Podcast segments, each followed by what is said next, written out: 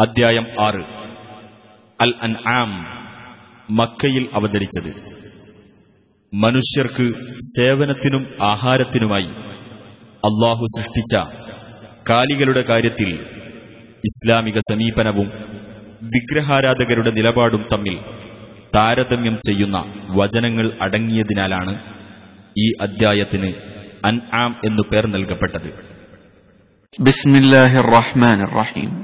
الحمد لله الذي خلق السماوات والأرض وجعل الظلمات والنور ثم الذين كفروا بربهم يعدلون ആകാശങ്ങളും ഭൂമിയും സൃഷ്ടിക്കുകയും ഇരുട്ടുകളും വെളിച്ചവും ഉണ്ടാക്കുകയും ചെയ്ത അള്ളാഹുവിനാകുന്നു സ്തുതി എന്നിട്ടുമതാ സത്യനിഷേധികൾ തങ്ങളുടെ രക്ഷിതാവിന് സമന്മാരെ വെക്കുന്നു هو الذي خلقكم من طين ثم قضى أجلا وأجل مسمى عنده ثم أنتم تمترون അവനത്രേ കളിമണ്ണിൽ നിന്നും നിങ്ങളെ സൃഷ്ടിച്ചത് എന്നിട്ടവൻ ഒരു അവധി നിശ്ചയിച്ചിരിക്കുന്നു അവങ്കൽ നിർണിതമായ മറ്റൊരവധിയുമുണ്ട് എന്നിട്ടും നിങ്ങൾ സംശയിച്ചുകൊണ്ടിരിക്കുന്നു وهو الله في السماوات وفي الأرض يعلم سركم وجهركم ويعلم ما تكسبون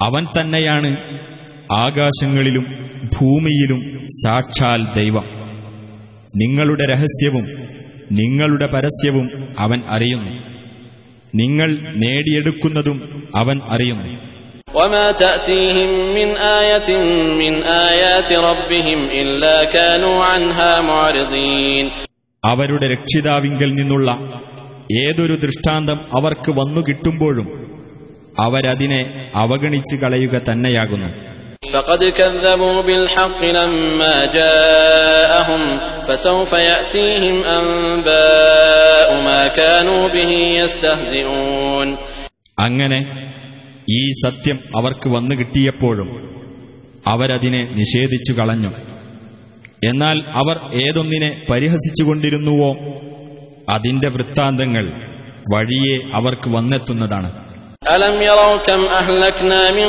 قبلهم من قرن مكناهم في الأرض ما لم نمكن لكم وأرسلنا السماء عليهم مدرارا وجعلنا الأنهار تجري من تحتهم فأهلكناهم بذنوبهم فأهلكناهم بذنوبهم وأنشأنا من بعدهم قرنا آخرين അവർ കണ്ടില്ലേ അവർക്കു മുമ്പ് നാം എത്ര തലമുറകളെ നശിപ്പിച്ചിട്ടുണ്ടെന്ന് നിങ്ങൾക്ക് നാം ചെയ്തു തന്നിട്ടില്ലാത്ത സൗകര്യം ഭൂമിയിൽ അവർക്ക് നാം ചെയ്തു കൊടുത്തിരുന്നു നാം അവർക്ക് ധാരാളമായി മഴ വർഷിപ്പിച്ചു കൊടുക്കുകയും അവരുടെ താഴ്ഭാഗത്തുകൂടി നദികൾ ഒഴുക്കുകയും ചെയ്തിരുന്നു. എന്നിട്ട് അവരുടെ പാപങ്ങൾ കാരണം നാം അവരെ നശിപ്പിക്കുകയും അവർക്ക് ശേഷം നാം വേറെ തലമുറകളെ ഉണ്ടാക്കുകയും ചെയ്തു. ولو نزلنا عليك كتابا في قرطاس فلمسوه بأيديهم لقال الذين كفروا إن هذا إلا سحر مبين നബിയെ നിനക്ക് നാം കടലാസിൽ എഴുതിയ ഒരു ഗ്രന്ഥം ഇറക്കിത്തരികയും എന്നിട്ടവരത് സ്വന്തം കൈകൾ കൊണ്ട് തൊട്ടുനോക്കുകയും ചെയ്താൽ പോലും ഇത് വ്യക്തമായ മായാജാലമല്ലാതെ മറ്റൊന്നുമല്ല എന്നായിരിക്കും സത്യനിഷേധികൾ പറയുക وقالوا لولا أنزل عليه ملك ولو أنزلنا ملكا لقضي الأمر ثم لا ينظرون ഇയാളുടെ അഥവാ നബിയുടെ മേൽ ഒരു മലക്ക് ഇറക്കപ്പെടാത്തത് എന്താണെന്നും അവർ പറയുകയുണ്ടായി എന്നാൽ നാം മലക്കിനെ ഇറക്കിയിരുന്നെങ്കിൽ കാര്യം അന്തിമമായി തീരുമാനിക്കപ്പെടുമായിരുന്നു പിന്നീട് അവർക്ക് സമയം നീട്ടിക്കിട്ടുമായിരുന്നില്ല ولو جعلناه ملكا لجعلناه رجلا وللبسنا عليهم ما يلبسون ഇനി നാം ഒരു മലക്കിനെ ദൂതനായി നിശ്ചയിക്കുകയാണെങ്കിൽ തന്നെ ആ മലക്കിനെയും നാം പുരുഷരൂപത്തിലാക്കുമായിരുന്നു അങ്ങനെ ഇന്ന് അവർ ആശയക്കുഴപ്പമുണ്ടാക്കുന്ന വിഷയത്തിൽ അപ്പോഴും നാം അവർക്ക് സംശയമുണ്ടാക്കുന്നതാണ് ولقد استهزئ برسل من قبلك فحاق بالذين سخروا منهم ما كانوا به يستهزئون നിനക്കു മുമ്പ് പല ദൂതന്മാരും പരിഹസിക്കപ്പെട്ടിട്ടുണ്ട് എന്നിട്ട് അവരെ കളിയാക്കിയിരുന്നവർക്ക് അവർ പരിഹസിച്ചുകൊണ്ടിരുന്നതെന്തോ അത് വന്നു ഭവിക്കുക തന്നെ ചെയ്തു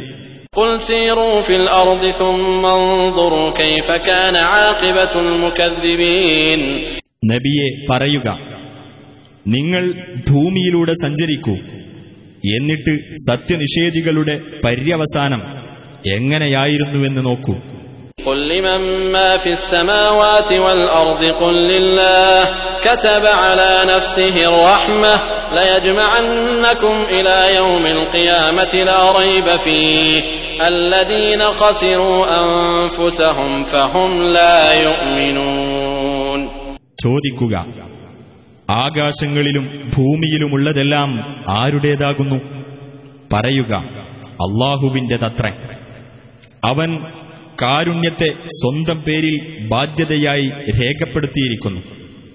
ഉയർത്തെഴുന്നേൽപ്പിന്റെ നാളിലേക്ക് നിങ്ങളെ അവൻ ഒരുമിച്ചു കൂട്ടുക തന്നെ ചെയ്യും. അതിൽ യാതൊരു സംശയവുമില്ല. എന്നാൽ സ്വദേഹങ്ങളെ തന്നെ നഷ്ടത്തിലാക്കിയവരത്രേ അവർ. അതിനാൽ അവർ വിശ്വസിക്കുകയില്ല.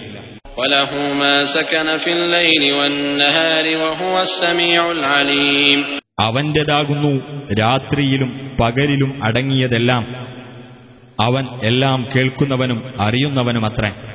قل أغير الله أتخذ وليا فاطر السماوات والأرض وهو يطعم ولا يطعم قل إني أمرت أن أكون أول من أسلم ولا تكونن من المشركين പറയുക ആകാശങ്ങളുടെയും ഭൂമിയുടെയും സ്രഷ്ടാവായ അള്ളാഹുവേയല്ലാതെ ഞാൻ രക്ഷാധികാരിയായി സ്വീകരിക്കുകയോ അവനാകട്ടെ ആഹാരം നൽകുന്നു അവന് ആഹാരം നൽകപ്പെടുകയില്ല.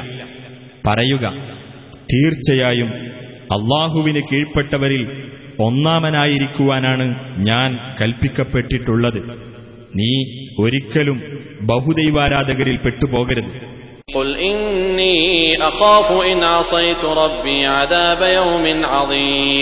പറയുക ഞാൻ എന്റെ രക്ഷിതാവിനോട് അനുസരണക്കേട് കാണിക്കുന്ന പക്ഷം ഭയങ്കരമായ ഒരു ദിവസത്തെ ശിക്ഷയെപ്പറ്റി തീർച്ചയായും ഞാൻ ഭയപ്പെടുന്നു.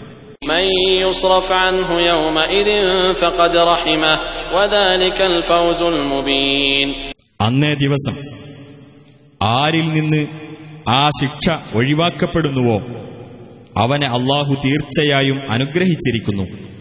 അതത്രേ വ്യക്തമായ വിജയം.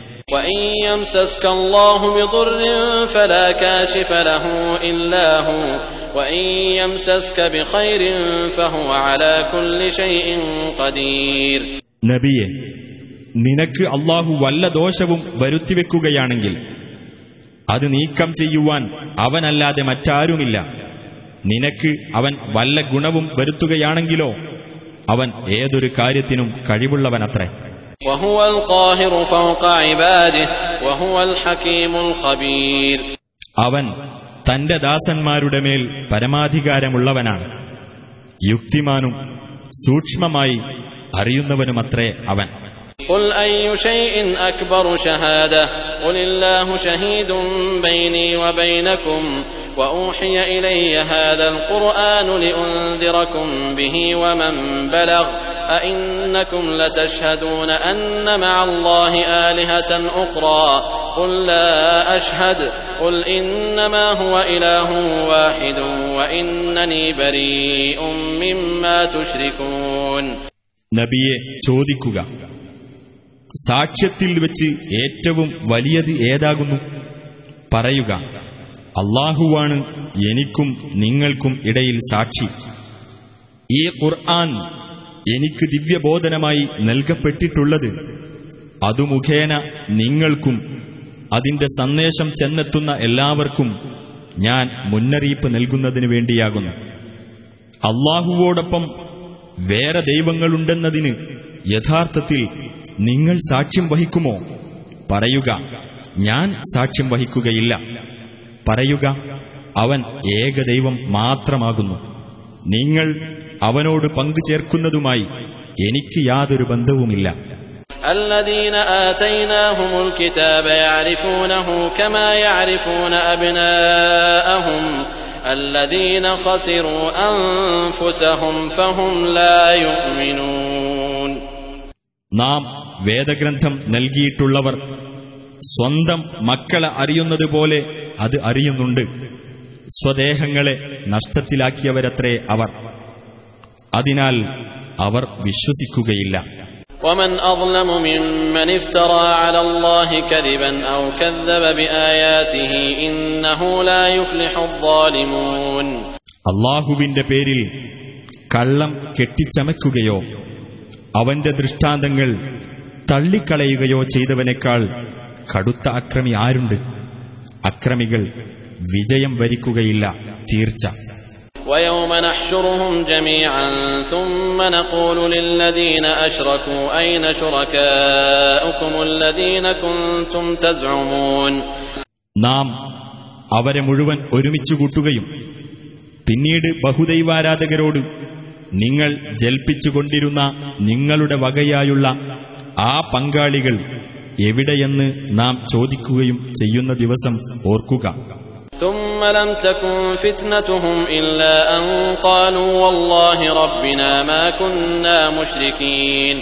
അനന്തരം അവരുടെ ഗതികേട് ഞങ്ങളുടെ രക്ഷിതാവായ അള്ളാഹുവിനെ തന്നെയാണ് സത്യം. ഞങ്ങൾ പങ്കുചേർക്കുന്നവരായിരുന്നില്ല എന്ന് പറയുന്നതല്ലാതെ മറ്റൊന്നുമായിരിക്കയില്ല. انظر كيف كذبوا على أنفسهم وضل عنهم ما كانوا يفترون നോക്കൂ അവർ സ്വന്തം പേരിൽ തന്നെ എങ്ങനെ കള്ളം പറഞ്ഞു എന്ന് അവർ എന്തൊന്ന് കെട്ടിച്ചമച്ചിരുന്നുവോ അതവർക്ക് ഉപകരിക്കാതെ പോയിരിക്കുന്നു ومنهم من يستمع إليك. وجعلنا على قلوبهم أكنة أن يفقهوه وفي آذانهم وقرا. وإن يروا كل آية لا يؤمنوا بها حتى إذا جاءوك يجادلونك. يقول الذين كفروا يقول الذين كفروا إن هذا إلا أساطير الأولين. നീ പറയുന്നത് ശ്രദ്ധിച്ചു കേൾക്കുന്ന ചിലരും അവരുടെ കൂട്ടത്തിലുണ്ട്. എന്നാൽ അത് അവർ ഗ്രഹിക്കാത്ത വിധം അവരുടെ ഹൃദയങ്ങളിന്മേൽ നാം മൂടികൾ ഇടുകയും അവരുടെ കാതുകളിൽ അടപ്പ് വെക്കുകയും ചെയ്തിരിക്കുന്നു. എന്തെല്ലാം ദൃഷ്ടാന്തങ്ങൾ കണ്ടാലും അവരതിൽ വിശ്വസിക്കുകയില്ല. അങ്ങനെ അവർ നിന്റെ അടുക്കൽ നിന്നോട് തർക്കിക്കുവാനായി വന്നാൽ ആ സത്യനിഷേധികൾ പറയും ഇത് പൂർവികന്മാരുടെ കെട്ടുകഥകളല്ലാതെ മറ്റൊന്നുമല്ല എന്ന്.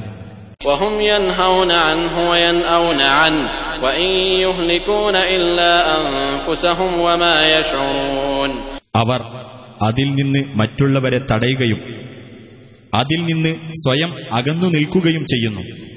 വാസ്തവത്തിൽ അവർ സ്വദേഹങ്ങൾക്ക് തന്നെ നാശമുണ്ടാക്കുക മാത്രമാണ് ചെയ്യുന്നത് അവർ അതിനെപ്പറ്റി ബോധവാന്മാരാകുന്നില്ല ولو ترى إذ وقفوا على النار فقالوا يا ليتنا نرد ولا نكذب بآيات ربنا ولا نكذب بآيات ربنا ونكون من المؤمنين അവർ നരകത്തിങ്കൽ നിർത്തപ്പെടുന്ന രംഗം നീ കണ്ടിരുന്നുവെങ്കിൽ അപ്പോൾ അവർ പറയും ഞങ്ങൾ ഇഹലോകത്തേക്ക് ഒന്നു തിരിച്ചയക്കപ്പെട്ടിരുന്നുവെങ്കിൽ എത്ര നന്നായിരുന്നേനെ എങ്കിൽ ഞങ്ങൾ ഞങ്ങളുടെ രക്ഷിതാവിന്റെ ദൃഷ്ടാന്തങ്ങൾ തള്ളിക്കളയാതിരിക്കുകയും ഞങ്ങൾ സത്യവിശ്വാസികളുടെ കൂട്ടത്തിലാവുകയും ചെയ്യുമായിരുന്നു بل بدا لهم ما كانوا يخفون من قبل ولو ردوا لعادوا لما نهوا عنه وإنهم لكاذبون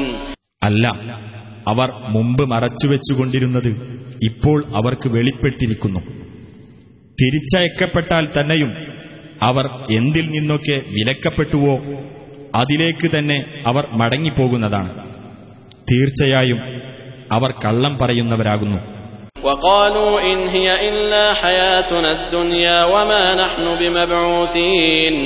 അവർ പറഞ്ഞിരുന്നു ഞങ്ങളുടെ ഐഹിക ജീവിതമല്ലാതെ യാതൊന്നുമില്ല. ഞങ്ങൾ ഉയർത്തെഴുന്നേൽപ്പിക്കപ്പെടുന്നവരുമല്ല എന്ന് ولو ترى إذ وقفوا على ربهم قال أليس هذا بالحق قالوا بلى وربنا قال فذوقوا العذاب بما كنتم تكفرون അവർ അവരുടെ രക്ഷിതാവിന്റെ മുമ്പിൽ നിർത്തപ്പെടുന്ന രംഗം നീ കണ്ടിരുന്നെങ്കിൽ അവൻ ചോദിക്കും ഇത് യഥാർത്ഥം തന്നെയല്ലേ അവർ പറയും അതെ. ഞങ്ങളുടെ രക്ഷിതാവിനെ തന്നെയാണ് സത്യം. അവൻ പറയും എന്നാൽ നിങ്ങൾ അവിശ്വസിച്ചുകൊണ്ടിരുന്നത് നിമിത്തം ശിക്ഷ ആസ്വദിച്ചുകൊള്ളുക. قد خسر الذين كذبوا بلقاء الله حتى إذا جاءتهم الساعة بغتة قالوا يا حسرتنا قالوا يا حسرتنا على ما فرطنا فيها وهم يحملون أوزارهم على ظهورهم ألا ساء ما يزرون. അള്ളാഹുവുമായുള്ള കൂടിക്കാഴ്ചയെ നിഷേധിച്ചു തള്ളിയവർ തീർച്ചയായും നഷ്ടത്തിൽപ്പെട്ടിരിക്കുന്നു. അങ്ങനെ പെട്ടെന്ന് ആ സമയം വന്നെത്തുമ്പോൾ അവർ പറയും ഞങ്ങൾ ഇത് സംബന്ധിച്ച കാര്യത്തിൽ വീഴ്ച വരുത്തിയതിനാൽ ഹോ ഞങ്ങൾക്ക് കഷ്ടം. അവർ അവരുടെ പാപഭാരങ്ങൾ അവരുടെ മുതുകുകളിൽ വഹിക്കുന്നുണ്ടായിരിക്കും. അവർ പേറുന്ന ഭാരം എത്രയോ ചീത്ത. وما الحياة الدنيا إلا لعب وله وللدار الآخرة خير للذين يتقون أفلا تعقلون ഐഹിക ജീവിതമെന്നത് കളിയും വിനോദവുമല്ലാതെ മറ്റൊന്നുമല്ല പാരത്രിക ലോകമാണ് സൂക്ഷ്മത പാലിക്കുന്നവർക്ക് ഉത്തമമായിട്ടുള്ളത് നിങ്ങൾ എന്താണ് ചിന്തിക്കാത്തത് قد نعلم إنه ليحزنك الذي يقولون فإنهم لا يكذبونك ولكن الظالمين بآيات الله يجحدون നബിയെ അവർ പറയുന്നത് നിനക്ക് വ്യസനമുണ്ടാക്കുന്നുണ്ട് എന്ന് തീർച്ചയായും നമുക്കറിയാം എന്നാൽ യഥാർത്ഥത്തിൽ നിന്നെയല്ല അവർ നിഷേധിച്ചു തള്ളുന്നത് പ്രത്യുത അള്ളാഹുവിന്റെ ദൃഷ്ടാന്തങ്ങളെയാണ് ആ അക്രമികൾ നിഷേധിക്കുന്നത് ولقد كذبت رسل من قبلك فصبروا على ما كذبوا وأوذوا حتى أتاهم نصرنا ولا مبدل لكلمات الله ولقد جاءك من نبأ المرسلين നിനക്കു മുമ്പും ദൂതന്മാർ നിഷേധിക്കപ്പെട്ടിട്ടുണ്ട് എന്നിട്ട് തങ്ങൾ നിഷേധിക്കപ്പെടുകയും മർദ്ദിക്കപ്പെടുകയും ചെയ്തത് നമ്മുടെ സഹായം അവർക്ക് വന്നെത്തുന്നതുവരെ അവർ സഹിച്ചു. അള്ളാഹുവിന്റെ വചനങ്ങൾക്ക് അഥവാ കൽപ്പനകൾക്ക് മാറ്റം വരുത്താൻ ആരും തന്നെയില്ല. ദൈവദൂതന്മാരുടെ വൃത്താന്തങ്ങളിൽ ചിലത് നിനക്ക് വന്നുകിട്ടിയിട്ടുണ്ടല്ലോ. وإن كان كبر عليك إعراضهم فإن استطعت أن تبتغي نفقا في الأرض أو سلما في السماء أو سلما في السماء فتأتيهم بآية ولو شاء الله لجمعهم على الهدى فلا تكونن من الجاهلين അവർ പിന്തിരിഞ്ഞു കളയുന്നത് നിനക്ക് ദുസ്സഹമായി തോന്നുന്നുവെങ്കിൽ ഭൂമിയിൽ ഇറങ്ങിപ്പോകുവാൻ ഒരു തുരങ്കമോ ആകാശത്ത് കയറിപ്പോകുവാൻ ഒരു കോണിയോ തേടിപ്പിടിച്ചിട്ട് അവർക്കൊരു ദൃഷ്ടാന്തം കൊണ്ടുവന്നു കൊടുക്കാൻ നിനക്ക് സാധിക്കുന്ന പക്ഷം അതങ്ങ് ചെയ്തേക്കുക. അള്ളാഹു ഉദ്ദേശിച്ചിരുന്നുവെങ്കിൽ അവരെയൊക്കെ അവൻ സന്മാർഗത്തിൽ ഒരുമിച്ചു കൂട്ടുക തന്നെ ചെയ്യുമായിരുന്നു. അതിനാൽ നീ ഒരിക്കലും അവിവേകികളിൽ പെട്ടുപോകരുത്.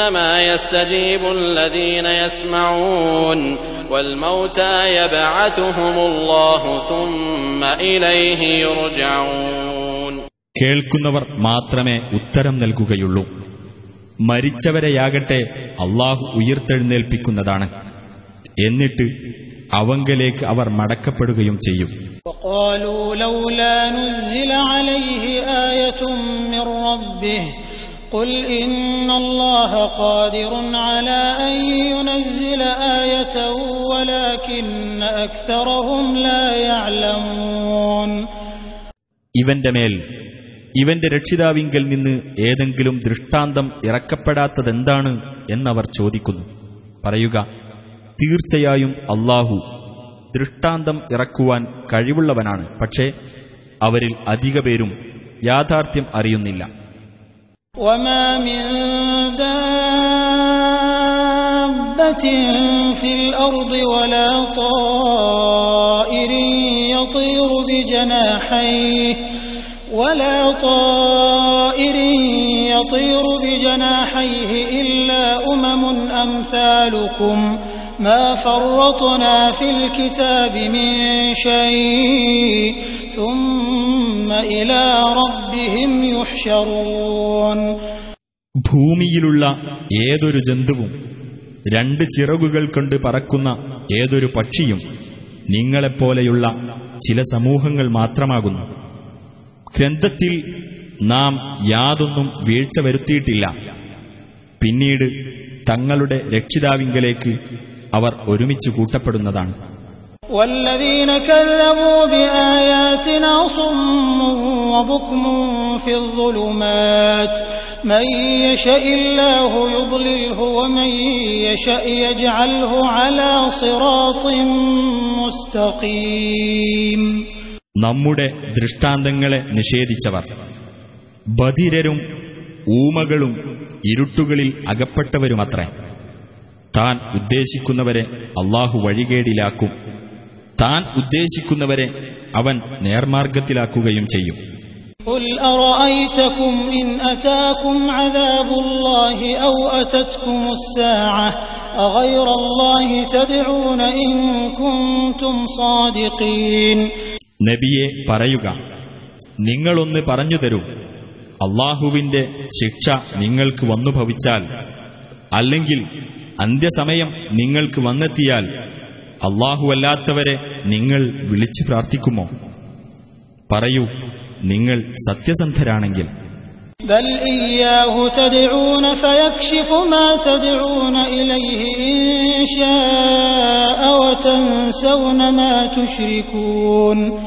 ഇല്ല അവനെ മാത്രമേ നിങ്ങൾ വിളിച്ച് പ്രാർത്ഥിക്കുകയുള്ളൂ.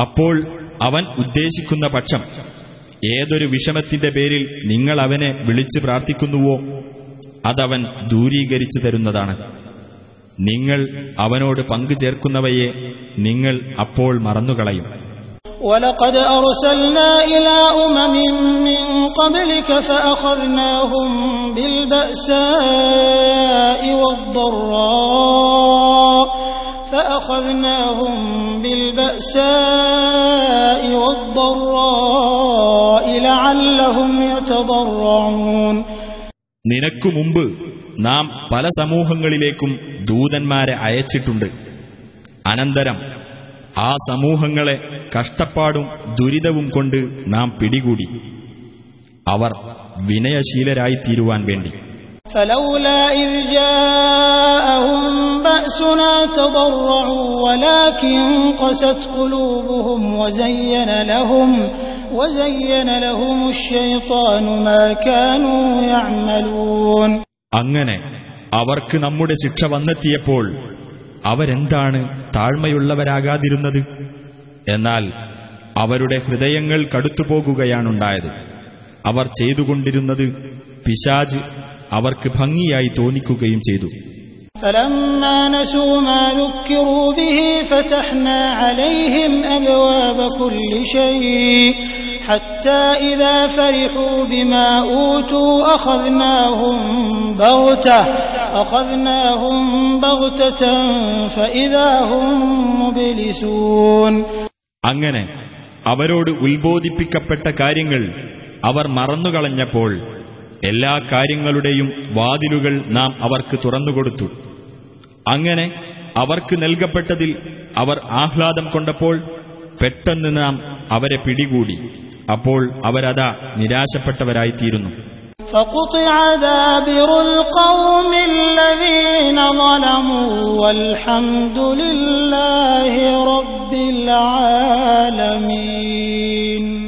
അങ്ങനെ ആ അക്രമികളായ ജനത നിശേഷം നശിപ്പിക്കപ്പെട്ടു ലോകരക്ഷിതാവായ അള്ളാഹുവിന് സ്തുതി قل أرأيتم إن أخذ الله سمعكم وأبصاركم وختم على قلوبكم وختم على قلوبكم من إله غير الله يأتيكم به انظر كيف نصرف الآيات ثم هم يصدفون നബിയെ പറയുക നിങ്ങൾ ചിന്തിച്ചു നോക്കിയോ? അള്ളാഹു നിങ്ങളുടെ കേൾവിയും കാഴ്ചകളും പിടിച്ചെടുക്കുകയും നിങ്ങളുടെ ഹൃദയങ്ങളിന്മേൽ അവൻ മുദ്രവെക്കുകയും ചെയ്യുന്ന പക്ഷം അള്ളാഹുവല്ലാതെ ഏതൊരു ദൈവമാണ് നിങ്ങൾക്കത് കൊണ്ടുവന്നു തരാനുള്ളത്? നോക്കൂ ഏതെല്ലാം വിധത്തിൽ നാം തെളിവുകൾ വിവരിച്ചു കൊടുക്കുന്നു? എന്നിട്ടും അവർ പിന്തിരിഞ്ഞു കളയുന്നു. قل أرأيتكم إن أتاكم عذاب الله بغتة أو جهرة هل يهلك إلا القوم الظالمون നബിയെ പറയുക നിങ്ങളൊന്ന് പറഞ്ഞു തരൂ നിങ്ങൾക്ക് അവിചാരിതമായിട്ടോ പ്രത്യക്ഷമായിട്ടോ അള്ളാഹുവിന്റെ ശിക്ഷ വന്നെത്തുന്ന പക്ഷം അക്രമികളായ ജനവിഭാഗമല്ലാതെ നശിപ്പിക്കപ്പെടുമോ وما نرسل المرسلين إلا مبشرين ومنذرين فمن آمن وأصلح فلا خوف عليهم ولا هم يحزنون സന്തോഷവാർത്ത അറിയിക്കുന്നവരും താക്കീത് നൽകുന്നവരും ആയിട്ടല്ലാതെ നാം ദൂതന്മാരെ അയക്കുന്നില്ല എന്നിട്ട് ആർ വിശ്വസിക്കുകയും നിലപാട് നന്നാക്കി തീർക്കുകയും ചെയ്തുവോ അവർക്ക് യാതൊന്നും ഭയപ്പെടാനില്ല അവർ ദുഃഖിക്കേണ്ടി വരികയുമില്ല.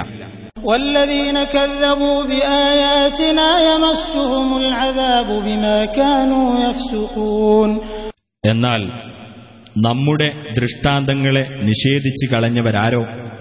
അവർക്ക് ശിക്ഷ ബാധിക്കുന്നതാണ്. അവർ ധിക്കാരികളായതിന്റെ ഫലമായിട്ട്. قل لا أقول لكم عندي خزائن الله ولا أعلم الغيب ولا أقول لكم إني ملك إن أتبع إلا ما يوحى إلي قل هل يستوي الأعمى والبصير أفلا تتفكرون പറയുക അള്ളാഹുവിന്റെ ഖജനാവുകൾ എന്റെ പക്കലുണ്ടെന്ന് ഞാൻ നിങ്ങളോട് പറയുന്നില്ല അദൃശ്യകാര്യം ഞാൻ അറിയുകയുമില്ല. ഞാൻ ഒരു മലക്കാണ് എന്നും നിങ്ങളോട് പറയുന്നില്ല. എനിക്ക് ബോധനം നൽകപ്പെടുന്നതിനെയല്ലാതെ ഞാൻ പിന്തുടരുന്നില്ല. പറയുക അന്ധനും കാഴ്ചയുള്ളവനും സമമാകുമോ? നിങ്ങൾ എന്താണ് ചിന്തിച്ചു നോക്കാത്തത്? به الذين يخافون أن يحشروا إلى ربهم ليس لهم من دونه ولي ليس لهم من دونه ولي ولا شفيع لعلهم يتقون തങ്ങളുടെ രക്ഷിതാവിങ്കലേക്ക് ഒരുമിച്ചു കൂട്ടപ്പെടുമെന്ന് ഭയപ്പെടുന്നവർക്ക് ഈ ദിവ്യബോധനം മുഖേന നീ താക്കീത് നൽകുക അവനു പുറമെ യാതൊരു രക്ഷാധികാരിയും ശുപാർശകനും അവർക്കില്ല അവർ സൂക്ഷ്മത പാലിക്കുന്നവരായേക്കാം ولا تطرد الذين يدعون ربهم بالغداة والعشي يريدون وجهه ما عليك من حسابهم من شيء وما من حسابك عليهم من شيء فتطردهم فتكون من الظالمين തങ്ങളുടെ രക്ഷിതാവിന്റെ അനുഗ്രഹം ലക്ഷ്യമാക്കിക്കൊണ്ട് രാവിലെയും വൈകുന്നേരവും അവനോട് പ്രാർത്ഥിച്ചുകൊണ്ടിരിക്കുന്നവരെ നീ ആട്ടിയകറ്റരുത് അവരുടെ കണക്ക് നോക്കേണ്ട യാതൊരു ബാധ്യതയും നിനക്കില്ല. നിന്റെ കണക്ക് നോക്കേണ്ട യാതൊരു ബാധ്യതയും അവർക്കുമില്ല. എങ്കിലല്ലേ നീ അവരെ ആട്ടിയകറ്റേണ്ടി വരുന്നത്? അങ്ങനെ ചെയ്യുന്ന പക്ഷം നീ അക്രമികളിൽപ്പെട്ടവനായിരിക്കും. وكذلك فتنا بعضهم ببعض ليقولوا أهؤلاء من الله عليهم من بيننا أليس الله بأعلم بالشاكرين അപ്രകാരം അവരിൽ ചിലരെ മറ്റു ചിലരെ കൊണ്ട് നാം പരീക്ഷണ വിധേയരാക്കിയിരിക്കുന്നു ഞങ്ങളുടെ ഇടയിൽ നിന്ന് അള്ളാഹു അനുഗ്രഹിച്ചിട്ടുള്ളത് ഇക്കൂട്ടരെയാണോ എന്ന് അവർ പറയുവാൻ വേണ്ടിയത്രേ അത്. നന്ദി കാണിക്കുന്നവരെപ്പറ്റി അള്ളാഹു നല്ലവണ്ണം അറിയുന്നവനല്ലയോ? وإذا جاءك الذين يؤمنون بآياتنا فقل سلام عليكم كتب ربكم على نفسه الرحمة أنه من عمل منكم سوءا بجهالة ثم تاب من بعده وأصلح وأصلح فأنه غفور رحيم നമ്മുടെ ദൃഷ്ടാന്തങ്ങളിൽ വിശ്വസിക്കുന്നവർ നിന്റെ അടുക്കൽ വന്നാൽ നീ പറയുക നിങ്ങൾക്ക് സമാധാനമുണ്ടായിരിക്കട്ടെ. നിങ്ങളുടെ രക്ഷിതാവ് കാരുണ്യത്തെ തന്റെ മേൽ ബാധ്യതയായി നിശ്ചയിച്ചിരിക്കുന്നു. അതായത് നിങ്ങളിൽ നിന്നാരെങ്കിലും അവിവേകത്താൽ വല്ല തിന്മയും ചെയ്തു പോകുകയും എന്നിട്ടതിനുശേഷം പശ്ചാത്തപിക്കുകയും നിലപാട് നന്നാക്കി തീർക്കുകയും ചെയ്യുന്ന പക്ഷം അവൻ ഏറെ പൊറുക്കുന്നവനും കരുണാനിധിയുമാകുന്നു. وكذلك نفصل الآيات ولتستبين سبيل المجرمين അപ്രകാരം നാം തെളിവുകൾ വിശദീകരിച്ചു തരുന്നു കുറ്റവാളികളുടെ മാർഗം വ്യക്തമായി വേർതിരിഞ്ഞു കാണുവാൻ വേണ്ടിയുമാകുന്നു അത് قل إني نهيت أن أعبد الذين تدعون من دون الله قل لا أتبع أهواءكم قد ضللت إذا وما أنا من المهتدين നബിയെ പറയുക അള്ളാഹുവിന് പുറമെ നിങ്ങൾ വിളിച്ചു പ്രാർത്ഥിക്കുന്നവരെ ആരാധിക്കുന്നതിൽ നിന്ന് തീർച്ചയായും ഞാൻ വിലക്കപ്പെട്ടിരിക്കുന്നു പറയുക നിങ്ങളുടെ തന്നിഷ്ടങ്ങളെ ഞാൻ പിന്തുടരുകയില്ല അങ്ങനെ ചെയ്യുന്ന പക്ഷം ഞാൻ പിഴച്ചുകഴിഞ്ഞു സന്മാർഗം പ്രാപിച്ചവരുടെ കൂട്ടത്തിൽ ഞാൻ ആയിരിക്കുകയുമില്ല.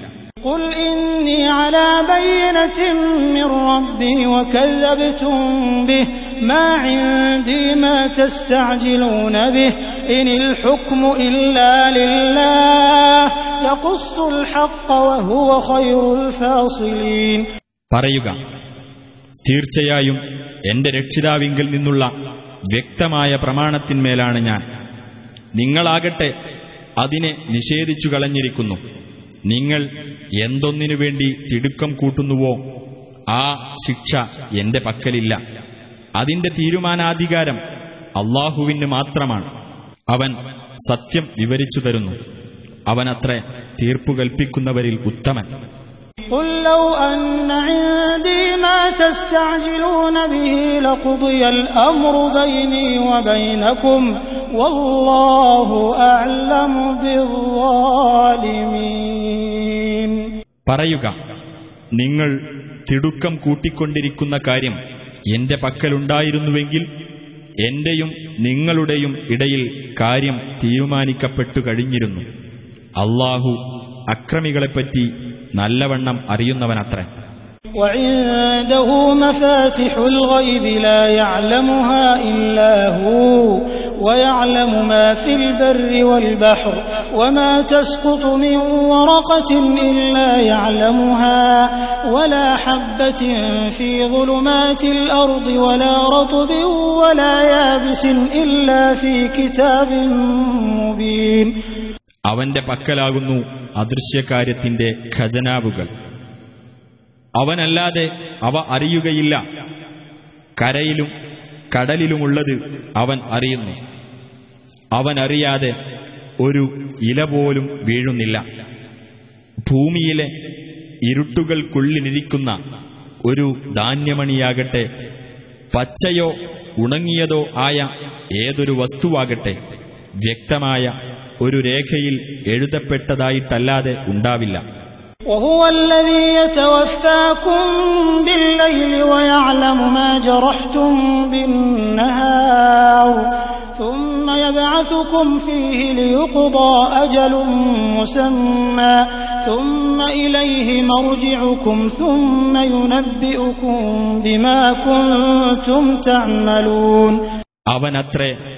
രാത്രിയിൽ ഉറങ്ങുമ്പോൾ നിങ്ങളെ പൂർണമായി ഏറ്റെടുക്കുന്നവൻ. പകലിൽ നിങ്ങൾ പ്രവർത്തിച്ചതെല്ലാം അവൻ അറിയുകയും ചെയ്യുന്നു. പിന്നീട് നിർണിതമായ ജീവിതാവധി പൂർത്തിയാക്കപ്പെടുവാൻ വേണ്ടി. പകലിൽ നിങ്ങളെ അവൻ എഴുന്നേൽപ്പിക്കുന്നു. പിന്നീട് അവങ്കലേക്കാണ് നിങ്ങളുടെ മടക്കം. അനന്തരം നിങ്ങൾ ചെയ്തുകൊണ്ടിരിക്കുന്നതിനെപ്പറ്റിയെല്ലാം അവൻ നിങ്ങളെ അറിയിക്കുകയും ചെയ്യും. وهو القاهر فوق عباده ويرسل عليكم حفظه حتى إذا جاء أحدكم الموت توفته رسلنا وهم لا يفرطون അവനത്രേ തന്റെ ദാസന്മാരുടെ മേൽ പരമാധികാരമുള്ളവൻ നിങ്ങളുടെ മേൽനോട്ടത്തിനായി അവൻ കാവൽക്കാരെ അയക്കുകയും ചെയ്യുന്നു അങ്ങനെ അവരിൽ ഒരാൾക്ക് മരണം വന്നെത്തുമ്പോൾ നമ്മുടെ ദൂതന്മാർ അഥവാ മലക്കുകൾ അവനെ പൂർണമായി ഏറ്റെടുക്കുന്നു. അക്കാര്യത്തിൽ അവർ ഒരു വീഴ്ചയും വരുത്തുകയില്ല.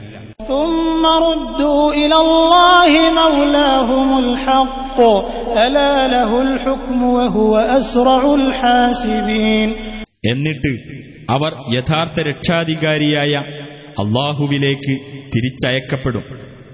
അറിയുക അവൻ അത്രേ തീരുമാനാധികാരം അവൻ അതിവേഗം കണക്ക് നോക്കുന്നവനത്രേ قل من ينجيكم من ظلمات البر والبحر تدعونه تضرعا وخفية تدعونه تضرعا وخفية لئن أنجانا من هذه لنكونن من الشاكرين പറയുക ഈ വിപത്തുകളിൽ നിന്ന് അള്ളാഹു ഞങ്ങളെ രക്ഷപ്പെടുത്തുകയാണെങ്കിൽ തീർച്ചയായും ഞങ്ങൾ നന്ദിയുള്ളവരുടെ കൂട്ടത്തിലായിക്കൊള്ളാം എന്നു പറഞ്ഞുകൊണ്ട് അവനോട് നിങ്ങൾ താഴ്മയോടെയും രഹസ്യമായും പ്രാർത്ഥിക്കുന്ന സമയത്ത് കരയിലെയും കടലിലെയും അന്ധകാരങ്ങളിൽ നിന്ന് നിങ്ങളെ രക്ഷിക്കുന്നതാരാണ്?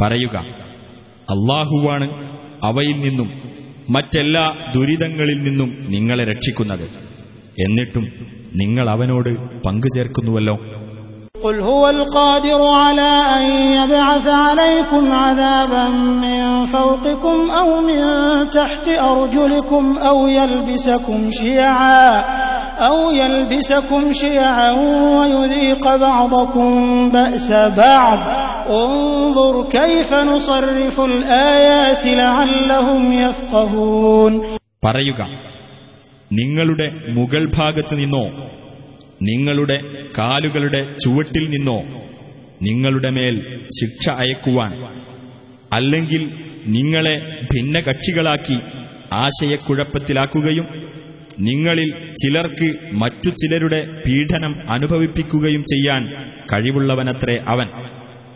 നോക്കൂ അവർ ഗ്രഹിക്കുവാൻ വേണ്ടി നാം തെളിവുകൾ വിവിധ രൂപത്തിൽ വിവരിച്ചു കൊടുക്കുന്നത് എങ്ങനെയാണെന്ന്?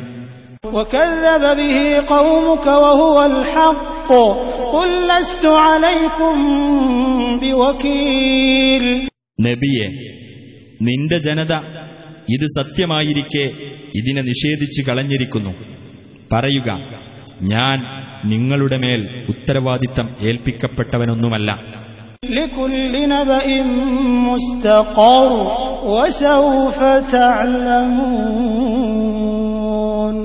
ഓരോ വൃത്താന്തത്തിനും അത് സത്യമായി പുലരുന്ന ഒരു സന്ദർഭമുണ്ട്. വഴിയെ നിങ്ങൾ അതറിഞ്ഞുകൊള്ളും. وإذا رأيت الذين يخوضون في آياتنا فأعرض عنهم حتى يخوضوا في حديث غيره وإما ينسينك الشيطان فلا تقعد بعد الذكرى مع القوم الظالمين നമ്മുടെ ദൃഷ്ടാന്തങ്ങളെ അപഹസിക്കുന്നതിൽ മുഴുകിയവരെ നീ കണ്ടാൽ അവർ മറ്റു വല്ല വർത്തമാനത്തിലും പ്രവേശിക്കുന്നതുവരെ നീ അവരിൽ നിന്ന് തിരിഞ്ഞുകളയുക. ഇനി വല്ലപ്പോഴും നിന്നെ പിശാജ് മറപ്പിച്ചു കളയുന്ന പക്ഷം ഓർമ്മ വന്നതിനു ശേഷം അക്രമികളായ ആ ആളുകളുടെ കൂടെ നീ ഇരിക്കരുത്.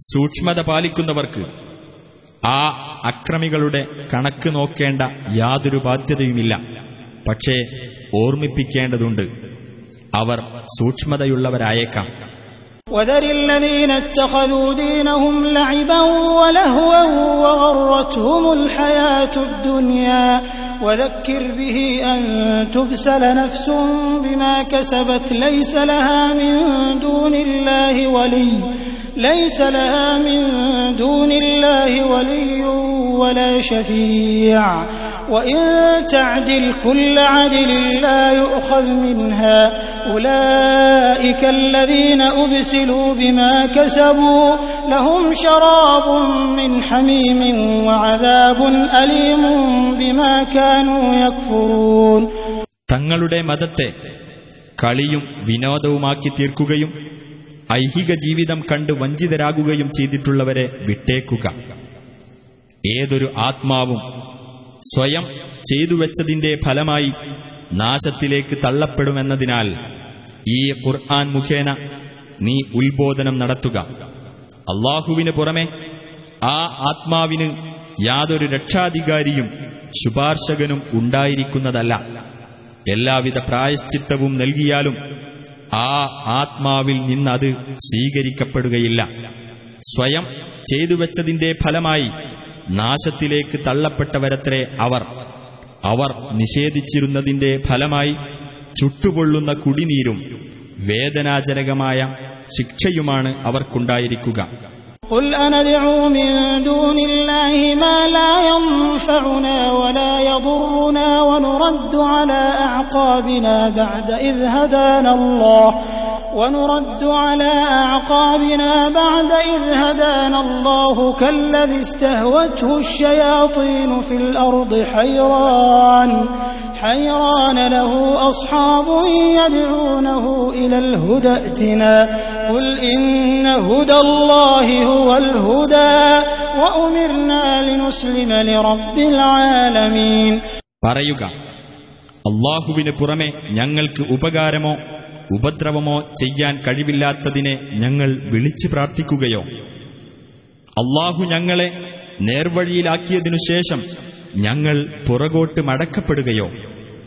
എന്നിട്ട് പിശാചുക്കൾ തട്ടിത്തിരിച്ചു കൊണ്ടുപോയിട്ട് ഭൂമിയിൽ അന്താളിച്ചു കഴിയുന്ന ഒരുത്തനെ പോലെ ഞങ്ങളാവുകയോ?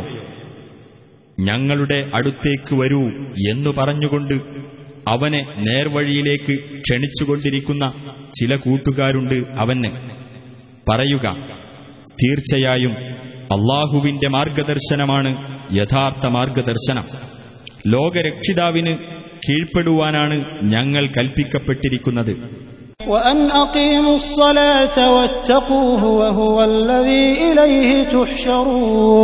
നിങ്ങൾ നമസ്കാരം മുറപ്രകാരം നിർവഹിക്കണമെന്നും അവനെ സൂക്ഷിക്കണമെന്നും കൽപ്പിക്കപ്പെട്ടിരിക്കുന്നു.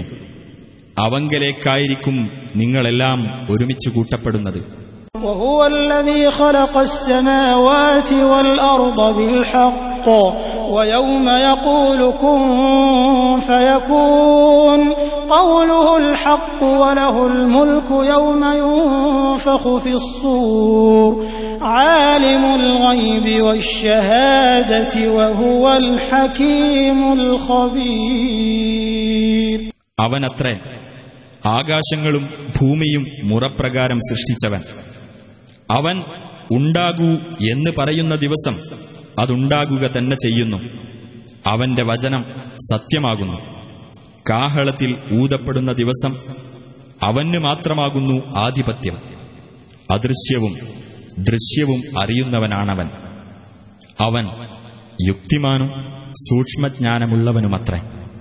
وإذ قال إبراهيم لأبيه آزر أتتخذ أصناما آلهة إني أراك وقومك في ضلال مبين ഇബ്രാഹിം തന്റെ പിതാവായ ആസറിനോട് പറഞ്ഞ സന്ദർഭം ഓർക്കുക ചില ബിംബങ്ങളെയാണോ താങ്കൾ ദൈവങ്ങളായി സ്വീകരിക്കുന്നത് തീർച്ചയായും താങ്കളും താങ്കളുടെ ജനതയും വ്യക്തമായ വഴികേടിലാണെന്ന് ഞാൻ കാണുന്നു وكذلك نري إبراهيم ملكوت السماوات والأرض وليكون من الموقنين അപ്രകാരം ഇബ്രാഹീമിന് നാം ആകാശങ്ങളുടെയും ഭൂമിയുടെയും ആധിപത്യ രഹസ്യങ്ങൾ കാണിച്ചു കൊടുക്കുന്നു അദ്ദേഹം ദൃഢബോധ്യമുള്ളവരുടെ കൂട്ടത്തിൽ ആയിരിക്കാൻ വേണ്ടിയും കൂടിയാണത് فلما جن عليه الليل رأى كوكبا قال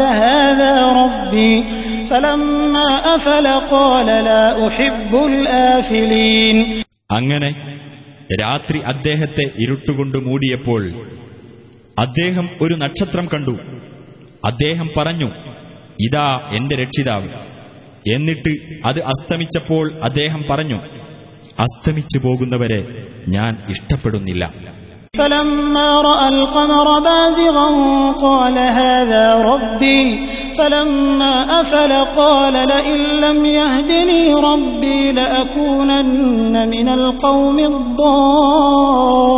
الضالين അനന്തരം ചന്ദ്രൻ ഉദിച്ചുയരുന്നത് കണ്ടപ്പോൾ അദ്ദേഹം പറഞ്ഞു ഇതാ എന്റെ രക്ഷിതാവ് എന്നിട്ട് അതും അസ്തമിച്ചപ്പോൾ അദ്ദേഹം പറഞ്ഞു എന്റെ രക്ഷിതാവ് എനിക്ക് നേർവഴി കാണിച്ചു തന്നില്ലെങ്കിൽ തീർച്ചയായും ഞാൻ വഴിപിഴച്ച ജനവിഭാഗത്തിൽപ്പെട്ടവനായിത്തീരും.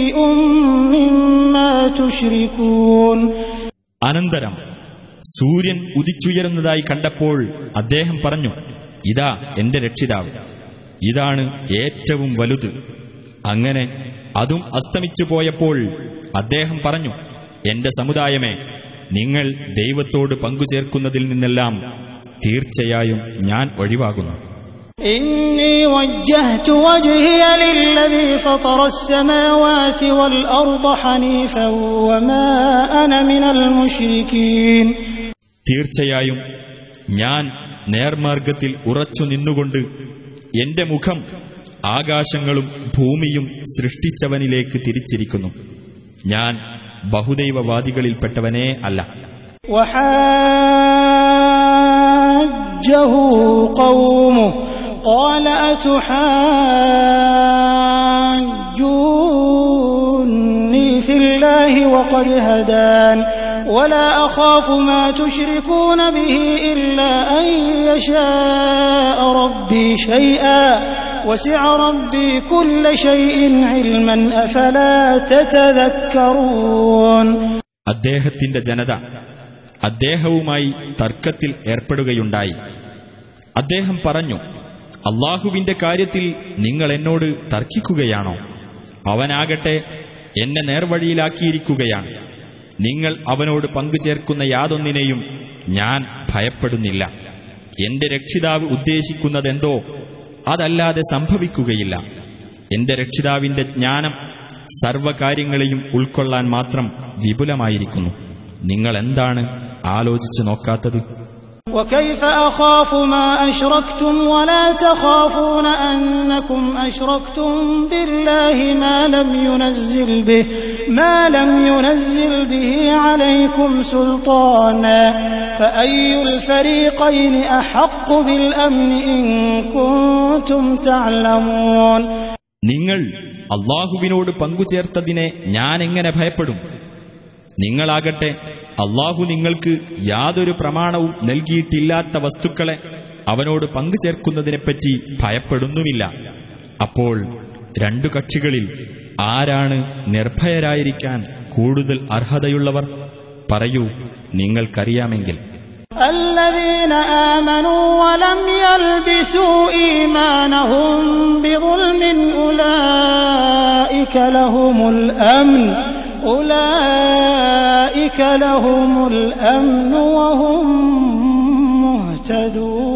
مهتدون വിശ്വസിക്കുകയും തങ്ങളുടെ വിശ്വാസത്തിൽ അന്യായം കൂട്ടിക്കലർത്താതിരിക്കുകയും ചെയ്തവരാരോ അവർക്കാണ് നിർഭയത്വമുള്ളത് അവർ തന്നെയാണ് നേർമാർഗം പ്രാപിച്ചവർ وتلك حجتنا آتيناها إبراهيم على قومه نرفع درجات من نشاء إن ربك حكيم عليم ഇബ്രാഹീമിന് തന്റെ ജനതയ്ക്കെതിരായി നാം നൽകിയ ന്യായ പ്രമാണമത്രേ അത് നാം ഉദ്ദേശിക്കുന്നവർക്ക് നാം പദവികൾ ഉയർത്തിക്കൊടുക്കുന്നു തീർച്ചയായും നിന്റെ രക്ഷിതാവ് യുക്തിമാനും സർവജ്ഞനുമത്രേ ووهبنا له إسحاق ويعقوب كلا هدينا ونوحا هدينا من قبل ومن ذريته داود وسليمان وأيوب ويوسف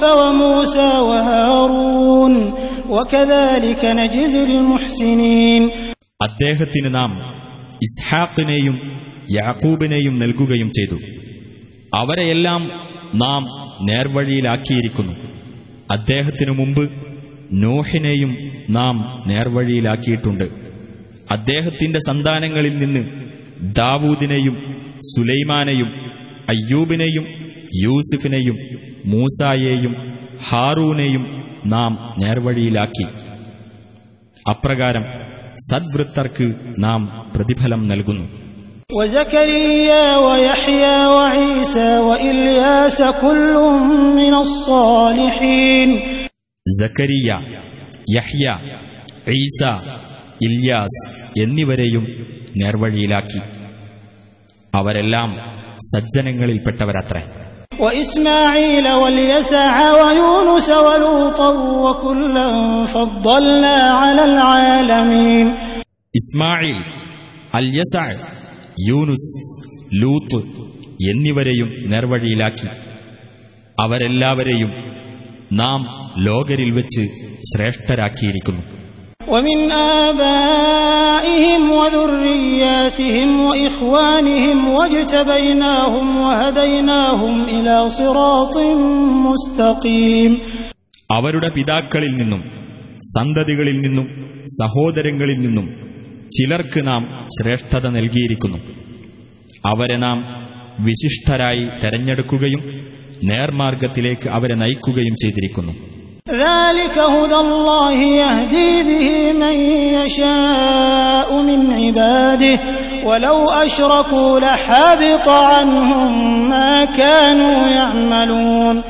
അതാണ് അള്ളാഹുവിന്റെ മാർഗദർശനം. അത് മുഖേന തന്റെ ദാസന്മാരിൽ നിന്ന് താൻ ഉദ്ദേശിക്കുന്നവരെ അവൻ നേർമാർഗത്തിലേക്ക് നയിക്കുന്നു അവർ അള്ളാഹുവോട് പങ്കുചേർത്തിരുന്നുവെങ്കിൽ അവർ പ്രവർത്തിച്ചിരുന്നതെല്ലാം അവരെ സംബന്ധിച്ചിടത്തോളം നിഷ്ഫലമായി പോകുമായിരുന്നു أولئك الذين آتيناهم الكتاب والحكم والنبوة فإن يكفر بها هؤلاء فقد وكلنا بها قوما ليسوا بها بكافرين നാം വേദവും വിജ്ഞാനവും പ്രവാചകത്വവും നൽകിയിട്ടുള്ളവരത്രേ അവർ ഇനി ഇക്കൂട്ടർ അവയൊക്കെ നിഷേധിക്കുകയാണെങ്കിൽ അവയിൽ അവിശ്വസിക്കുന്നവരല്ലാത്ത ഒരു ജനവിഭാഗത്തെ നാം അത് ഭരമേൽപ്പിച്ചിട്ടുണ്ട് أولئك الذين هدى الله فبهداه مقتده قل لا أسألكم عليه أجرا إن هو إلا ذكرى للعالمين അവരെയാണ് അള്ളാഹു നേർവഴിയിലാക്കിയിട്ടുള്ളത് അതിനാൽ അവരുടെ നേർമാർഗത്തെ നീ പിന്തുടർന്നുകൊള്ളുക നബിയെ പറയുക ഇതിന്റെ പേരിൽ യാതൊരു പ്രതിഫലവും ഞാൻ നിങ്ങളോട് ആവശ്യപ്പെടുന്നില്ല ഇത് ലോകർക്കു വേണ്ടിയുള്ള ഒരു ഉത്ബോധനമല്ലാതെ മറ്റൊന്നുമല്ല وما قدر الله حق قدره إذ قالوا ما أنزل الله على بشر من شيء قل من أنزل الكتاب الذي جاء به موسى نورا وهدى للناس تجعلونه تجعلونه قراطيس تبدونها وتخفون كثيرا وعلمتم ما لم تعلموا أنتم ولا آباؤكم قل الله ثم ذرهم في خوضهم يلعبون ഒരു മനുഷ്യനും അള്ളാഹു യാതൊന്നും അവതരിപ്പിച്ചു കൊടുത്തിട്ടില്ല എന്നു പറഞ്ഞ സന്ദർഭത്തിൽ അള്ളാഹുവെ വിലയിരുത്തേണ്ട മുറപ്രകാരം വിലയിരുത്താതിരിക്കുകയാണ് അവർ ചെയ്തത്. പറയുക എന്നാൽ സത്യപ്രകാശമായിക്കൊണ്ടും മനുഷ്യർക്ക് മാർഗദർശകമായിക്കൊണ്ടും മൂസ കൊണ്ടുവന്ന ഗ്രന്ഥം ആരാണ് അവതരിപ്പിച്ചത്? നിങ്ങൾ അതിനെ കടലാസു തുണ്ടുകളാക്കി ചില ഭാഗങ്ങൾ വെളിപ്പെടുത്തുകയും മറ്റു പലതും ഒളിച്ചുവെക്കുകയും ചെയ്യുന്നുണ്ടല്ലോ. നിങ്ങൾക്കോ നിങ്ങളുടെ പിതാക്കന്മാർക്കോ അറിവില്ലാതിരുന്ന പലതും ആ ഗ്രന്ഥത്തിലൂടെ നിങ്ങൾ പഠിപ്പിക്കപ്പെട്ടിട്ടുമുണ്ട്. അള്ളാഹുവാണ് അത് അവതരിപ്പിച്ചത് എന്ന് പറയുക. പിന്നീട് അവരുടെ കുതർക്കങ്ങളുമായി വിളയാടുവാൻ അവരെ വിട്ടേക്കുക. وهذا كتاب أنزلناه مبارك مصدق الذي بين يديه ولتنذر أم القرى ولتنذر أم القرى ومن حولها والذين يؤمنون بالآخرة يؤمنون به وهم على صلاتهم يحافظون ഇതാ നാം അവതരിപ്പിച്ച നന്മ നിറഞ്ഞ ഒരു ഗ്രന്ഥം അതിന്റെ മുമ്പുള്ള വേദത്തെ ശരിവെക്കുന്നതത്രേ അത്. മാതൃനഗരിയായ മക്കയിലും അതിന്റെ ചുറ്റുഭാഗത്തുമുള്ളവർക്ക് നീ താക്കീത് നൽകുവാൻ വേണ്ടി ഉള്ളതുമാണ് അത്. പരലോകത്തിൽ വിശ്വസിക്കുന്നവർ ഈ ഗ്രന്ഥത്തിൽ വിശ്വസിക്കുന്നതാണ്. തങ്ങളുടെ പ്രാർത്ഥന അവർ മുറപ്രകാരം സൂക്ഷിച്ചു പോരുന്നതുമാണ്. ومن أظلم ممن افترى على الله كذبا أو قال أوحي إلي ولم يوح إليه شيء ومن قال ومن قال سأنزل مثل ما أنزل الله. ولو ترى إذ الظالمون في غمرات الموت والملائكة باسطوا أيديهم والملائكة باسطوا أيديهم أخرجوا أنفسكم اليوم تجزون عذاب الهون بما كنتم تقولون على الله غير الحق وكنتم وكنتم عن تستكبرون അള്ളാഹുവിന്റെ പേരിൽ കള്ളം കെട്ടിച്ചമക്കുകയോ തനിക്ക് യാതൊരു ബോധനവും നൽകപ്പെടാതെ എനിക്ക് ബോധനം ലഭിച്ചിരിക്കുന്നു എന്ന് പറയുകയോ ചെയ്തവനേക്കാളും അള്ളാഹു അവതരിപ്പിച്ചതുപോലെയുള്ളത് ഞാനും അവതരിപ്പിക്കാമെന്ന് പറഞ്ഞവനേക്കാളും വലിയ അക്രമി ആരുണ്ട്?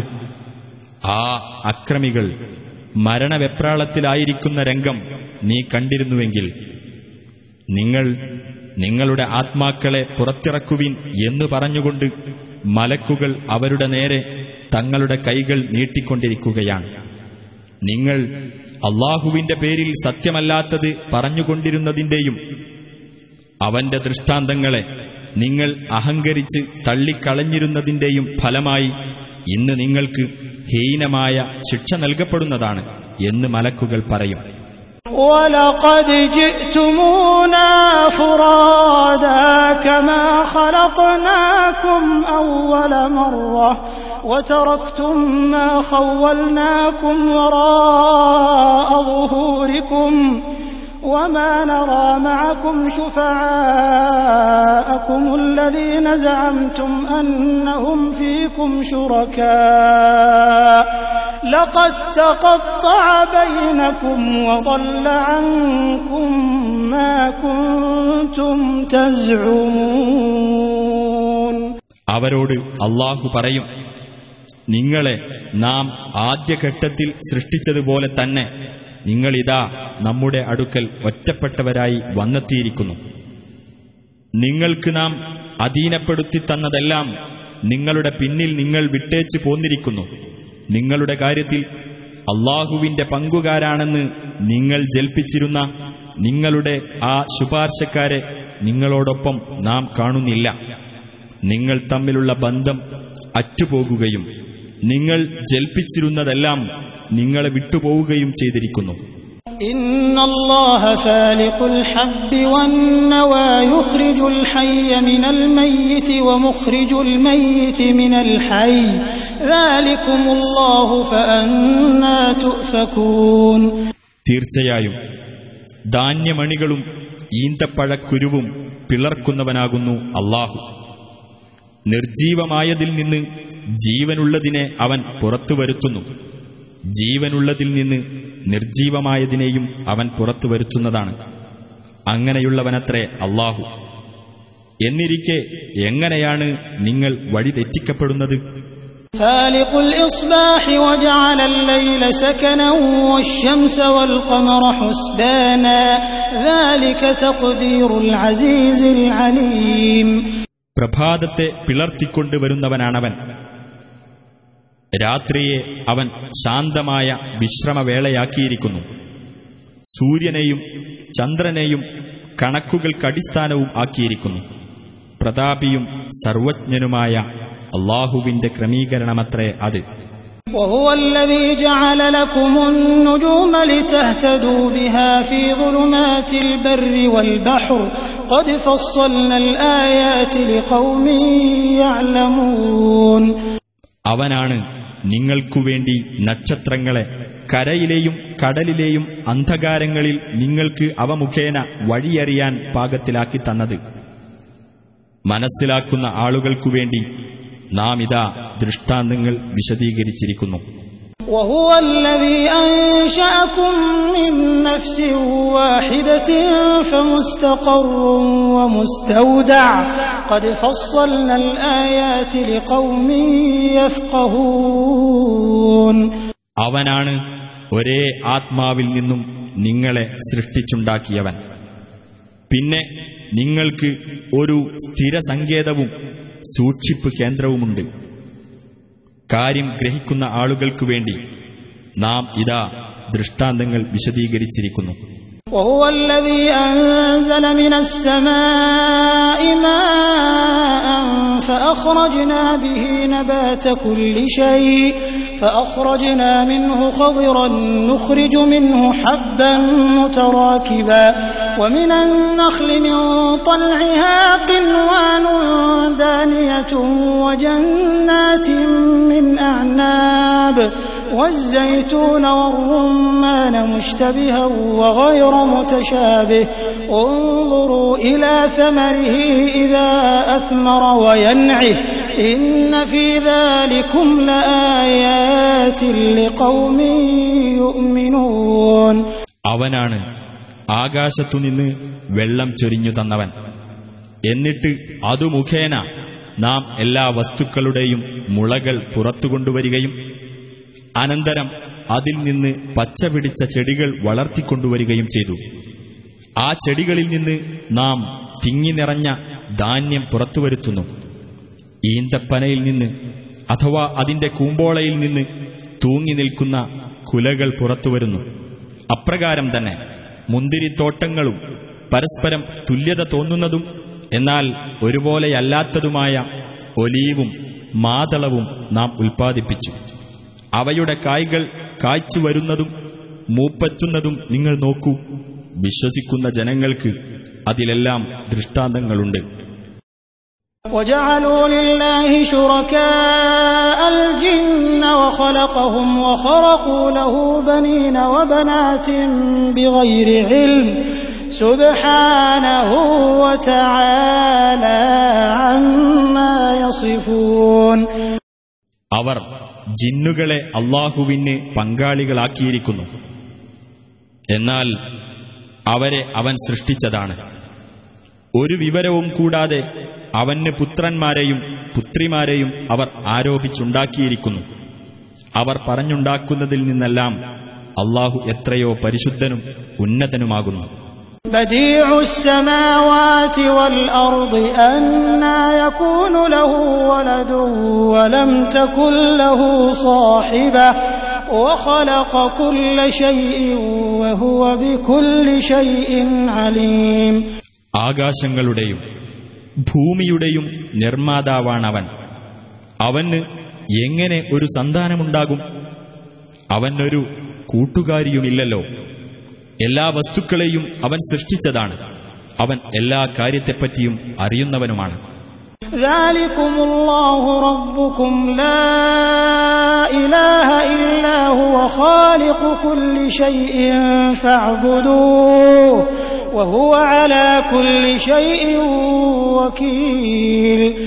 അങ്ങനെയുള്ളവനാണ് നിങ്ങളുടെ രക്ഷിതാവായ അള്ളാഹു അവനല്ലാതെ യാതൊരു ദൈവവുമില്ല. എല്ലാ വസ്തുക്കളുടെയും സ്രഷ്ടാവാണവൻ അതിനാൽ അവനെ നിങ്ങൾ ആരാധിക്കുക അവൻ സകല കാര്യങ്ങളുടെയും കൈകാര്യക്കാരനാകുന്നു لا تدركه الأبصار وهو يدرك الأبصار وهو اللطيف الخبير കണ്ണുകൾ അവനെ കണ്ടെത്തുകയില്ല കണ്ണുകളെ അവൻ കണ്ടെത്തുകയും ചെയ്യും അവൻ സൂക്ഷ്മജ്ഞാനിയും അഭിജ്ഞനുമാകുന്നു قد جاءكم بصائر من ربكم فمن أبصر فلنفسه ومن عمي فعليها ومن عمي فعليها وما أنا عليكم بحفيظ നിങ്ങളുടെ രക്ഷിതാവിങ്കിൽ നിന്ന് നിങ്ങൾക്കിതാ കണ്ണു തുറപ്പിക്കുന്ന തെളിവുകൾ വന്നെത്തിയിരിക്കുന്നു വല്ലവനും അത് കണ്ടറിഞ്ഞാൽ അതിന്റെ ഗുണം അവന് തന്നെയാണ്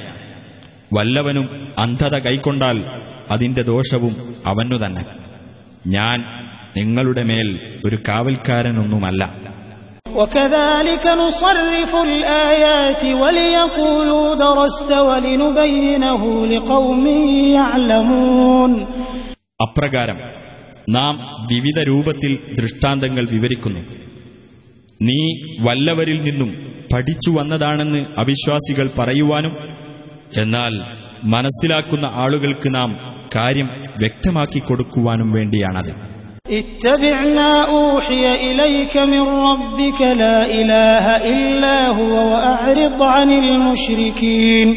നിനക്ക് നിന്റെ രക്ഷിതാവിങ്കിൽ നിന്ന് ബോധനം നൽകപ്പെട്ടതിനെ നീ പിന്തുടരുക.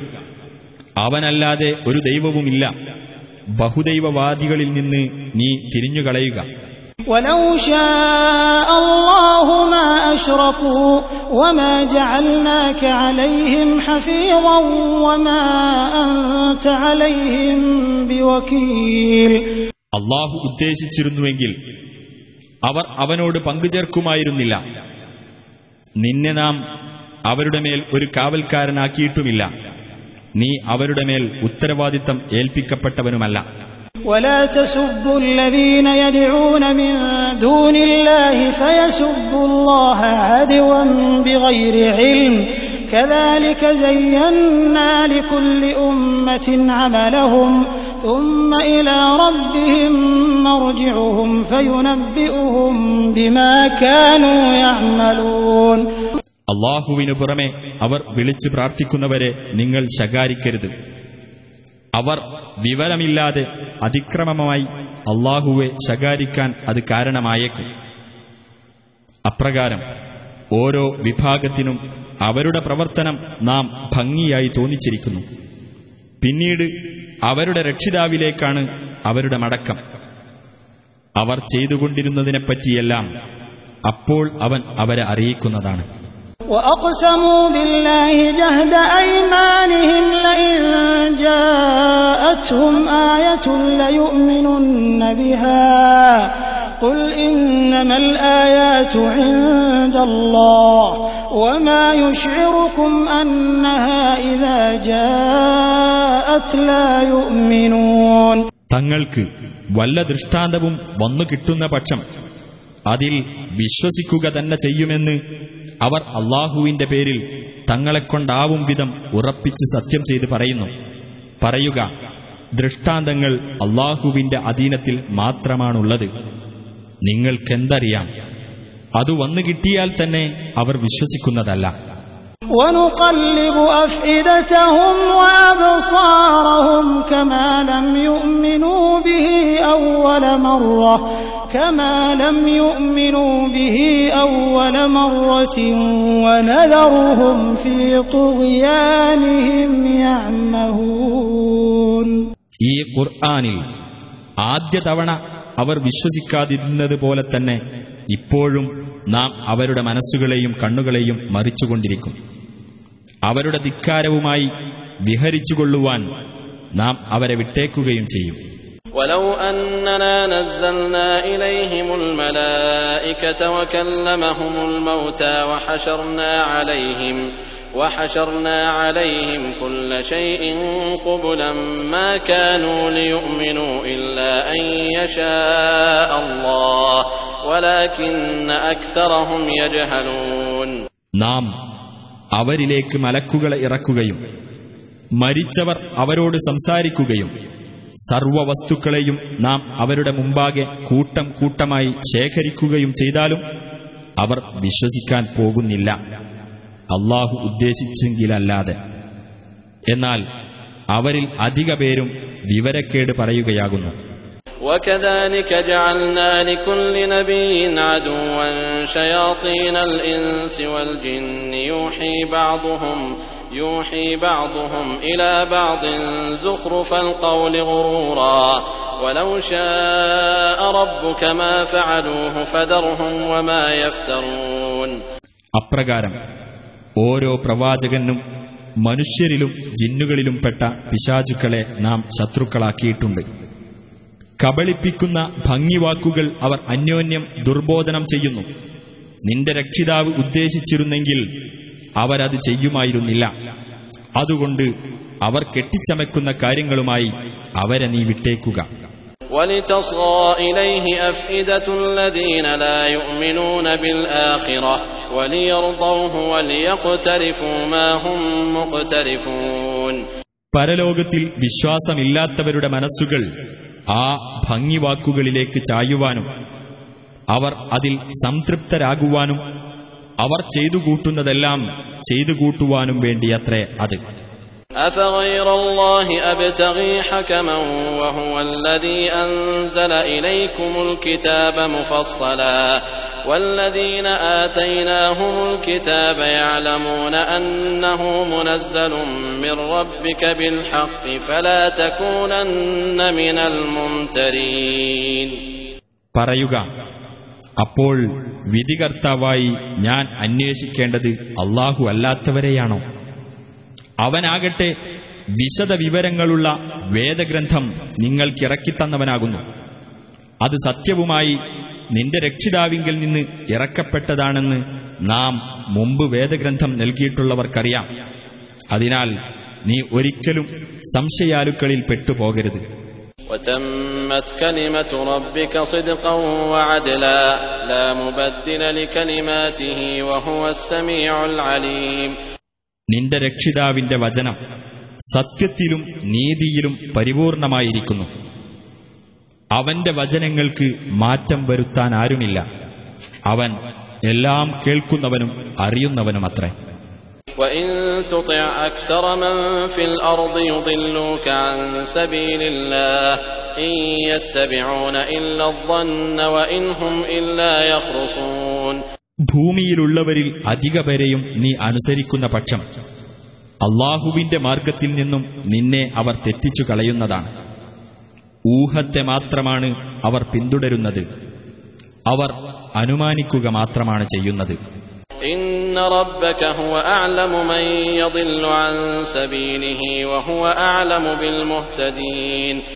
തന്റെ മാർഗത്തിൽ നിന്ന് തെറ്റിപ്പോകുന്നവൻ ആരാണെന്ന് തീർച്ചയായും നിന്റെ രക്ഷിതാവിനറിയാം. നേർവഴി പ്രാപിച്ചവരെപ്പറ്റി നല്ലവണ്ണം അറിയുന്നവനും അവൻ തന്നെയാണ്. فكلوا مما ذكر اسم الله عليه إن كنتم بآياته مؤمنين അതിനാൽ അള്ളാഹുവിന്റെ നാമം ഉച്ചരിച്ച് അറുക്കപ്പെട്ടതിൽ നിന്നും നിങ്ങൾ തിന്നുകൊള്ളുക നിങ്ങൾ അവന്റെ വചനങ്ങളിൽ വിശ്വസിക്കുന്നവരാണെങ്കിൽ وما لكم ألا تأكلوا مما ذكر اسم الله عليه وقد فصل لكم وقد فصل لكم ما حرم عليكم إلا ما اضطررتم إليه وإن كثيرا ليضلون بأهوائهم بغير علم إن ربك هو أعلم بالمعتدين അള്ളാഹുവിന്റെ നാമം ഉച്ചരിച്ച് അറുക്കപ്പെട്ടതിൽ നിന്ന് നിങ്ങൾ എന്തിന് തിന്നാതിരിക്കണം നിങ്ങളുടെ മേൽ നിഷിദ്ധമാക്കിയത് അവൻ നിങ്ങൾക്ക് വിശദമാക്കി തന്നിട്ടുണ്ടല്ലോ നിങ്ങൾ തിന്നുവാൻ നിർബന്ധിതരായിത്തീരുന്നതൊഴികെ ധാരാളം പേർ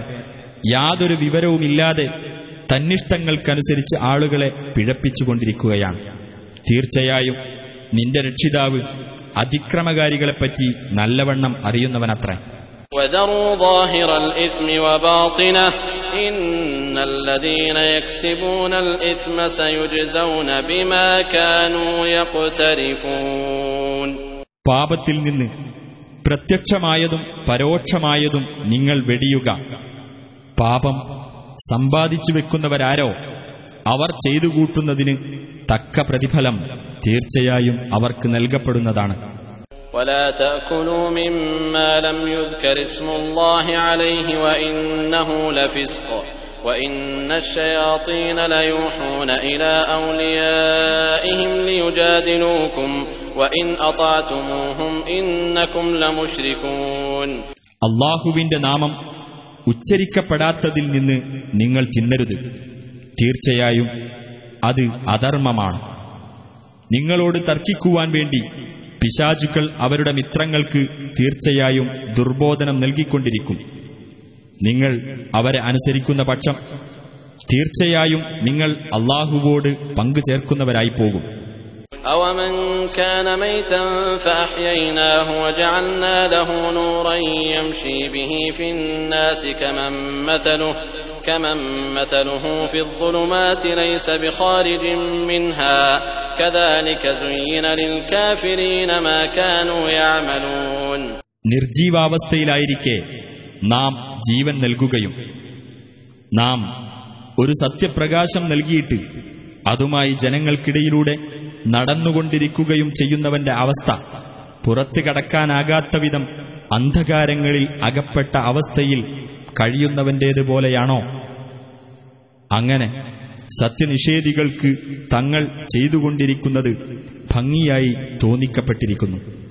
وكذلك جعلنا في كل قرية أكابر مجرميها ليمكروا فيها وما يمكرون إلا بأنفسهم وما يشعرون അതേ പ്രകാരം തന്നെ ഓരോ നാട്ടിലും കുതന്ത്രങ്ങളുണ്ടാക്കുവാൻ അവിടത്തെ കുറ്റവാളികളുടെ തലവന്മാരെ നാം ഏർപ്പെടുത്തിയിട്ടുണ്ട് എന്നാൽ അവർ കുതന്ത്രം പ്രയോഗിക്കുന്നത് അവർക്കെതിരിൽ തന്നെയാണ് അവർ അതിനെപ്പറ്റി ബോധവാന്മാരാകുന്നില്ല وإذا جاءتهم آية قالوا لن نؤمن حتى نؤتى مثل ما أوتي رسل الله الله أعلم حيث يجعل رسالته سيصيب الذين أجرموا صغار عند الله وعذاب شديد وعذاب شديد بما كانوا يمكرون അവർക്ക് വല്ല ദൃഷ്ടാന്തവും വന്നാൽ അള്ളാഹുവിന്റെ ദൂതന്മാർക്ക് നൽകപ്പെട്ടതുപോലുള്ളത് ഞങ്ങൾക്കും ലഭിക്കുന്നതുവരെ ഞങ്ങൾ വിശ്വസിക്കുകയേ ഇല്ല എന്നായിരിക്കും അവർ പറയുക. എന്നാൽ അള്ളാഹുവിന് നല്ലവണ്ണമറിയാം തന്റെ ദൗത്യം എവിടെയാണ് ഏൽപ്പിക്കേണ്ടതെന്ന്. കുറ്റകൃത്യങ്ങളിൽ ഏർപ്പെട്ടവർക്ക് തങ്ങൾ പ്രയോഗിച്ചിരുന്ന കുതന്തത്തിന്റെ ഫലമായി അള്ളാഹുവിങ്കൽ ഹീനതയും കഠിനമായ ശിക്ഷയും വന്നുഭവിക്കുന്നതാണ് فمن يرد الله أن يهديه يشرح صدره للإسلام ومن يرد أن يضله يجعل صدره ضيقا حرجا كأنما يصعد في السماء كذلك يجعل الله الرجس على الذين لا يؤمنون ഏതൊരാളെ നേർവഴിയിലേക്ക് നയിക്കുവാൻ അള്ളാഹു ഉദ്ദേശിക്കുന്നുവോ അവന്റെ ഹൃദയത്തെ ഇസ്ലാമിലേക്ക് അവൻ തുറന്നുകൊടുക്കുന്നതാണ് ഏതൊരാളെ അള്ളാഹു പിഴവിലാക്കാൻ ഉദ്ദേശിക്കുന്നുവോ അവന്റെ ഹൃദയത്തെ ഇടുങ്ങിയതും ഞെരുങ്ങിയതുമാക്കി തീർക്കുന്നതാണ്. അവൻ ആകാശത്തിലൂടെ കയറിപ്പോകുന്നതുപോലെ വിശ്വസിക്കാത്തവരുടെ മേൽ അപ്രകാരം അള്ളാഹു ശിക്ഷ ഏർപ്പെടുത്തുന്നു. وهذا صراط ربك مستقيما قد فصلنا الآيات لقوم يذكرون നിന്റെ രക്ഷിതാവിന്റെ നേരായ മാർഗമാണിത് ശ്രദ്ധിച്ച് മനസ്സിലാക്കുന്ന ജനങ്ങൾക്ക് വേണ്ടി നാം ഇതാ ദൃഷ്ടാന്തങ്ങൾ വിശദീകരിച്ചിരിക്കുന്നു لهم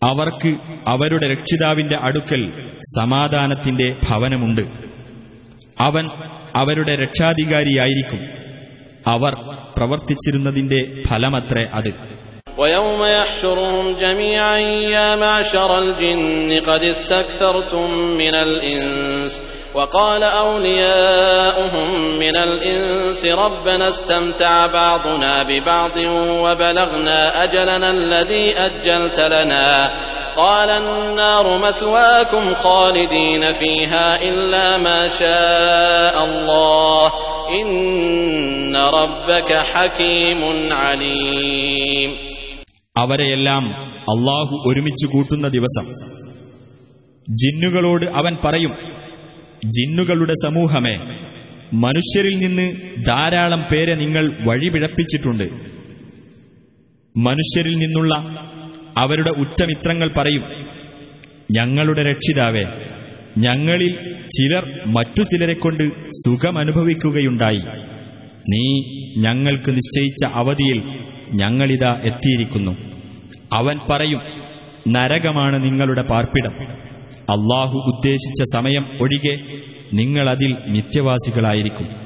തീർച്ചയായും നിന്റെ രക്ഷിതാവ് യുക്തിമാനും സർവജ്ഞനുമാകുന്നു.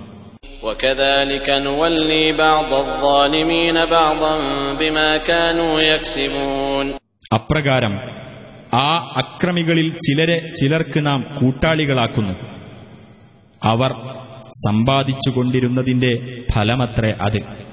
يا معشر الجن والإنس ألم يأتكم رسل منكم يقصون عليكم آياتي يقصون عليكم آياتي وينذرونكم لقاء يومكم هذا.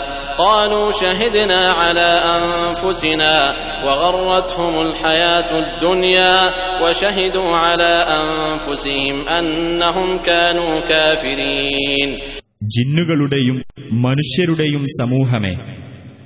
എന്റെ ദൃഷ്ടാന്തങ്ങൾ നിങ്ങൾക്ക് വിവരിച്ചു തരികയും ഈ ദിവസത്തെ നിങ്ങൾ അഭിമുഖീകരിക്കേണ്ടി വരുമെന്ന് നിങ്ങൾക്ക് താക്കീത് നൽകുകയും ചെയ്തുകൊണ്ട് നിങ്ങളിൽ നിന്നു തന്നെയുള്ള ദൂതന്മാർ നിങ്ങളുടെ അടുക്കൽ വരികയുണ്ടായില്ലേ?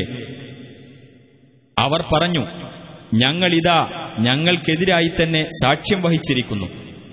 ഐഹിക ജീവിതം അവരെ വഞ്ചിച്ചു കളഞ്ഞു തങ്ങൾ സത്യനിഷേധികളായിരുന്നുവെന്ന് സ്വദേഹങ്ങൾക്കെതിരായി തന്നെ അവർ സാക്ഷ്യം വഹിച്ചു.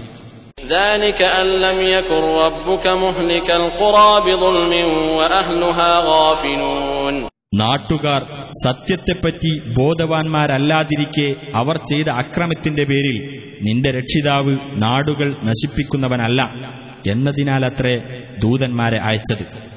ولكل درجات مما عملوا وما ربك بغافل عما يعملون ഓരോരുത്തർക്കും അവരവർ പ്രവർത്തിച്ചതിന്റെ ഫലമായി പല പദവികളുണ്ട് അവർ പ്രവർത്തിക്കുന്നതിനെപ്പറ്റി നിന്റെ രക്ഷിതാവ് ഒട്ടും അശ്രദ്ധനല്ല وربك الغني ذو الرحمة إن يشأ يذهبكم ويستخلف من بعدكم ما يشاء ويستخلف من بعدكم ما يشاء كما أنشأكم من ذرية قوم آخرين നിന്റെ രക്ഷിതാവ് പരാശ്രയമുക്തനും കാരുണ്യവാനുമാകുന്നു അവൻ ഉദ്ദേശിക്കുകയാണെങ്കിൽ നിങ്ങളെ നീക്കം ചെയ്യുകയും നിങ്ങൾക്ക് ശേഷം അവൻ ഉദ്ദേശിക്കുന്ന മറ്റൊരു ജനതയെ പകരം കൊണ്ടുവരികയും ചെയ്യുന്നതാണ്. മറ്റൊരു ജനതയുടെ വംശപരമ്പരയിൽ നിന്ന് നിങ്ങളെ അവൻ വളർത്തിയെടുത്തതുപോലെ.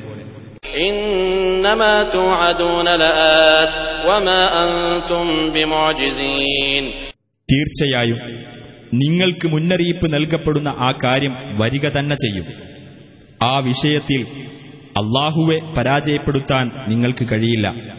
قل يا قوم اعملوا على مكانتكم إني عامل فسوف تعلمون من تكون له عاقبة الدار إنه لا يفلح الظالمون നബിയെ പറയുക എന്റെ ജനങ്ങളെ നിങ്ങൾ നിങ്ങളുടെ നിലപാടനുസരിച്ച് പ്രവർത്തിച്ചുകൊള്ളുക തീർച്ചയായും ഞാനും അങ്ങനെ പ്രവർത്തിക്കാം ലോകത്തിന്റെ പര്യവസാനം ആർക്ക് അനുകൂലമായിരിക്കുമെന്ന് വഴിയെ നിങ്ങൾക്കറിയാം അക്രമികൾ വിജയം വരിക്കുകയില്ല തീർച്ച وجعلوا لله مما ذرأ من الحرث والأنعام نصيبا فقالوا هذا لله بزعمهم فقالوا هذا لله بزعمهم وهذا لشركائنا فما كان لشركائهم فلا يصل إلى الله وما كان لله فهو يصل إلى شركائهم ساء ما يحكمون അള്ളാഹു സൃഷ്ടിച്ചുണ്ടാക്കിയ കൃഷിയിൽ നിന്നും കന്നുകാലികളിൽ നിന്നും അവർ അവന് ഒരു ഓഹരി നിശ്ചയിച്ചു കൊടുത്തിരിക്കുകയാണ്. എന്നിട്ട് അവരുടെ ജൽപ്പനമനുസരിച്ച് ഇത് അള്ളാഹുവിനുള്ളതും മറ്റേത് തങ്ങൾ പങ്കാളികളാക്കിയ ദൈവങ്ങൾക്കുള്ളതുമാണെന്ന് അവർ പറഞ്ഞു. എന്നാൽ അവരുടെ പങ്കാളികൾക്കുള്ളത് അള്ളാഹുവിനെത്തുകയില്ല. അള്ളാഹുവിനുള്ളതാകട്ടെ അവരുടെ പങ്കാളികൾക്കെത്തുകയും ചെയ്യും. അവർ തീർപ്പുകൽപ്പിക്കുന്നത് എത്ര മോശം. وكذلك زين لكثير من المشركين قتل أولادهم شركاؤهم ليردوهم وليلبسوا عليهم دينهم ولو شاء الله ما فعلوه فذرهم وما يفترون അതുപോലെ തന്നെ ബഹുദൈവവാദികളിൽപ്പെട്ട പലർക്കും സ്വന്തം മക്കളെ കൊല്ലുന്നത് അവർ പങ്കാളികളാക്കിയ ദൈവങ്ങൾ ഭംഗിയായി തോന്നിച്ചിരിക്കുന്നു അവരെ നാശത്തിൽപ്പെടുത്തുകയും അവർക്ക് അവരുടെ മതം തിരിച്ചറിയാൻ പറ്റാതാക്കുകയുമാണ് അതുകൊണ്ടുണ്ടായിത്തീരുന്നത്. അള്ളാഹു ഉദ്ദേശിച്ചിരുന്നുവെങ്കിൽ അവരത് ചെയ്യുമായിരുന്നില്ല. അതിനാൽ അവർ കെട്ടിച്ചമച്ചുണ്ടാക്കുന്നതുമായി അവരെ വിട്ടേക്കുക. وقالوا هذه أنعام وحرث حجر لا يطعمها إلا من نشاء بزعمهم وأنعام حرمت ظهورها وأنعام لا يذكرون اسم الله عليها افتراء عليه سيجزيهم بما كانوا يفترون അവർ പറഞ്ഞു ഇവ വിലക്കപ്പെട്ട കാലികളും കൃഷിയുമാകുന്നു ഞങ്ങൾ ഉദ്ദേശിക്കുന്ന ചിലരല്ലാതെ അവ ഭക്ഷിച്ചുകൂടാ? അതവരുടെ ജൽപ്പനമത്രേ. പുറത്ത് സവാരി ചെയ്യുന്നത് നിഷിദ്ധമാക്കപ്പെട്ട ചില കാലികളുമുണ്ട്. വേറെ ചില കാലികളുമുണ്ട്. അവയുടെ മേൽ അവർ അള്ളാഹുവിന്റെ നാമം ഉച്ചരിക്കുകയില്ല. ഇതെല്ലാം അള്ളാഹുവിന്റെ പേരിൽ കെട്ടിച്ചമച്ചുണ്ടാക്കിയതാണ്. അവർ കെട്ടിച്ചമച്ചുകൊണ്ടിരുന്നതിന് തക്ക ഫലം അവൻ അവർക്ക് നൽകിക്കൊള്ളും. وقالوا ما في بطون هذه الأنعام خالصة لذكورنا ومحرم على أزواجنا وإن يكن ميتة فهم فيه شركاء سيجزيهم وصفهم إنه حكيم عليم അവർ പറഞ്ഞു ഈ കാലികളുടെ ഗർഭാശയത്തിലുള്ളത് ഞങ്ങളിലെ ആണുങ്ങൾക്ക് മാത്രമുള്ളതും ഞങ്ങളുടെ ഭാര്യമാർക്ക് നിഷിദ്ധമാക്കപ്പെട്ടതുമാണ് അത് ചത്തതാണെങ്കിലോ അവരെല്ലാം അതിൽ പങ്കുപറ്റുന്നവരായിരിക്കും അവരുടെ ഈ ജൽപ്പനത്തിന് തക്ക പ്രതിഫലം അള്ളാഹു വഴിയെ അവർക്ക് നൽകുന്നതാണ് തീർച്ചയായും അവൻ യുക്തിമാനും സർവജ്ഞനുമാകുന്നു قد خسر الذين قتلوا أولادهم سفها بغير علم وحرموا ما رزقهم الله وحرموا ما رزقهم الله افتراء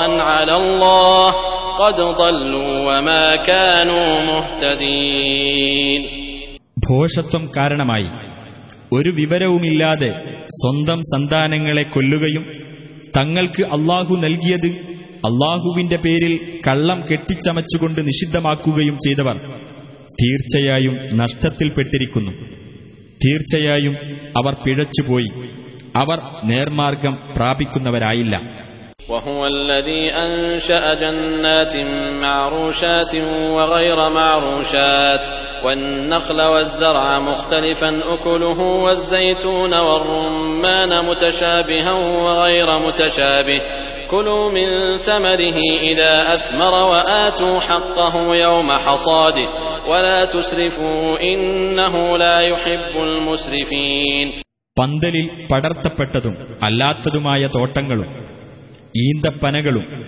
വിവിധതരം കനികളുള്ള കൃഷികളും പരസ്പരം തുല്യത തോന്നുന്നതും എന്നാൽ സാദൃശ്യമില്ലാത്തതുമായ നിലയിൽ ഒലീവും മാതളവും എല്ലാം സൃഷ്ടിച്ചുണ്ടാക്കിയത് അവനാകുന്നു. അവയോരോന്നും കായ്ക്കുമ്പോൾ അതിന്റെ ഫലങ്ങളിൽ നിന്ന് നിങ്ങൾ ഭക്ഷിച്ചുകൊള്ളുക. അതിന്റെ വിളവെടുപ്പ് ദിവസം അതിലുള്ള ബാധ്യത നിങ്ങൾ കൊടുത്തു വീട്ടുകയും ചെയ്യുക നിങ്ങൾ ദുർവ്യയം ചെയ്യരുത് തീർച്ചയായും ദുർവ്യയം ചെയ്യുന്നവരെ അള്ളാഹു ഇഷ്ടപ്പെടുകയില്ല ومن الأنعام حمولة وفرشا كلوا مما رزقكم الله ولا تتبعوا خطوات الشيطان إنه لكم عدو مبين കാലികളിൽ നിന്ന് ഭാരം ചുമക്കുന്നവയും അറുത്ത് ഭക്ഷിക്കാനുള്ളവയും അവൻ സൃഷ്ടിച്ചിരിക്കുന്നു. നിങ്ങൾക്ക് അള്ളാഹു നൽകിയതിൽ നിന്ന് നിങ്ങൾ തിന്നുകൊള്ളുക. പിശാചിന്റെ കാലടികളെ നിങ്ങൾ പിൻപറ്റിപ്പോകരുത്. തീർച്ചയായും അവൻ നിങ്ങളുടെ പ്രത്യക്ഷ ശത്രുവാകുന്നു.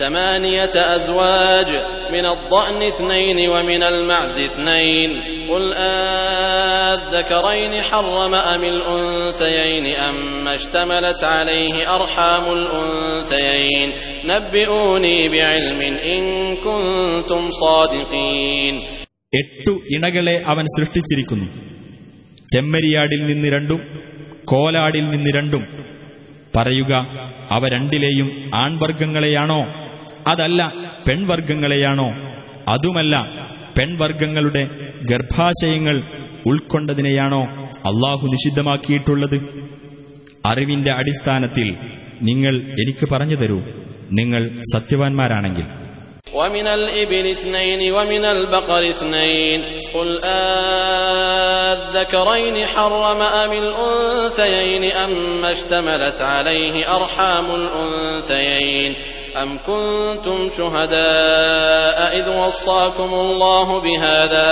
فمن أظلم ممن افترى على الله كذبا ليضل الناس بغير علم إن الله لا يهدي القوم الظالمين ഒട്ടകത്തിൽ നിന്ന് രണ്ട് ഇണകളെയും പശുവർഗത്തിൽ നിന്ന് രണ്ടു ഇണകളെയും അവൻ സൃഷ്ടിച്ചു പറയുക അവ രണ്ടിലെയും ആൺവർഗങ്ങളെയാണോ പെൺവർഗങ്ങളെയാണോ അതുമല്ല പെൺവർഗങ്ങളുടെ ഗർഭാശയത്തിൽ ഉൾക്കൊണ്ടതിനെയാണോ അള്ളാഹു നിഷിദ്ധമാക്കിയിട്ടുള്ളത്? അല്ല അള്ളാഹു നിങ്ങളോട് ഇതൊക്കെ ഉപദേശിച്ച സന്ദർഭത്തിന് നിങ്ങൾ സാക്ഷികളായിട്ടുണ്ടോ? അപ്പോൾ ഒരു അറിവുമില്ലാതെ ജനങ്ങളെ പിഴപ്പിക്കാൻ വേണ്ടി അള്ളാഹുവിന്റെ പേരിൽ കള്ളം കെട്ടിച്ചമച്ചവനേക്കാൾ വലിയ അക്രമി ആരുണ്ട്?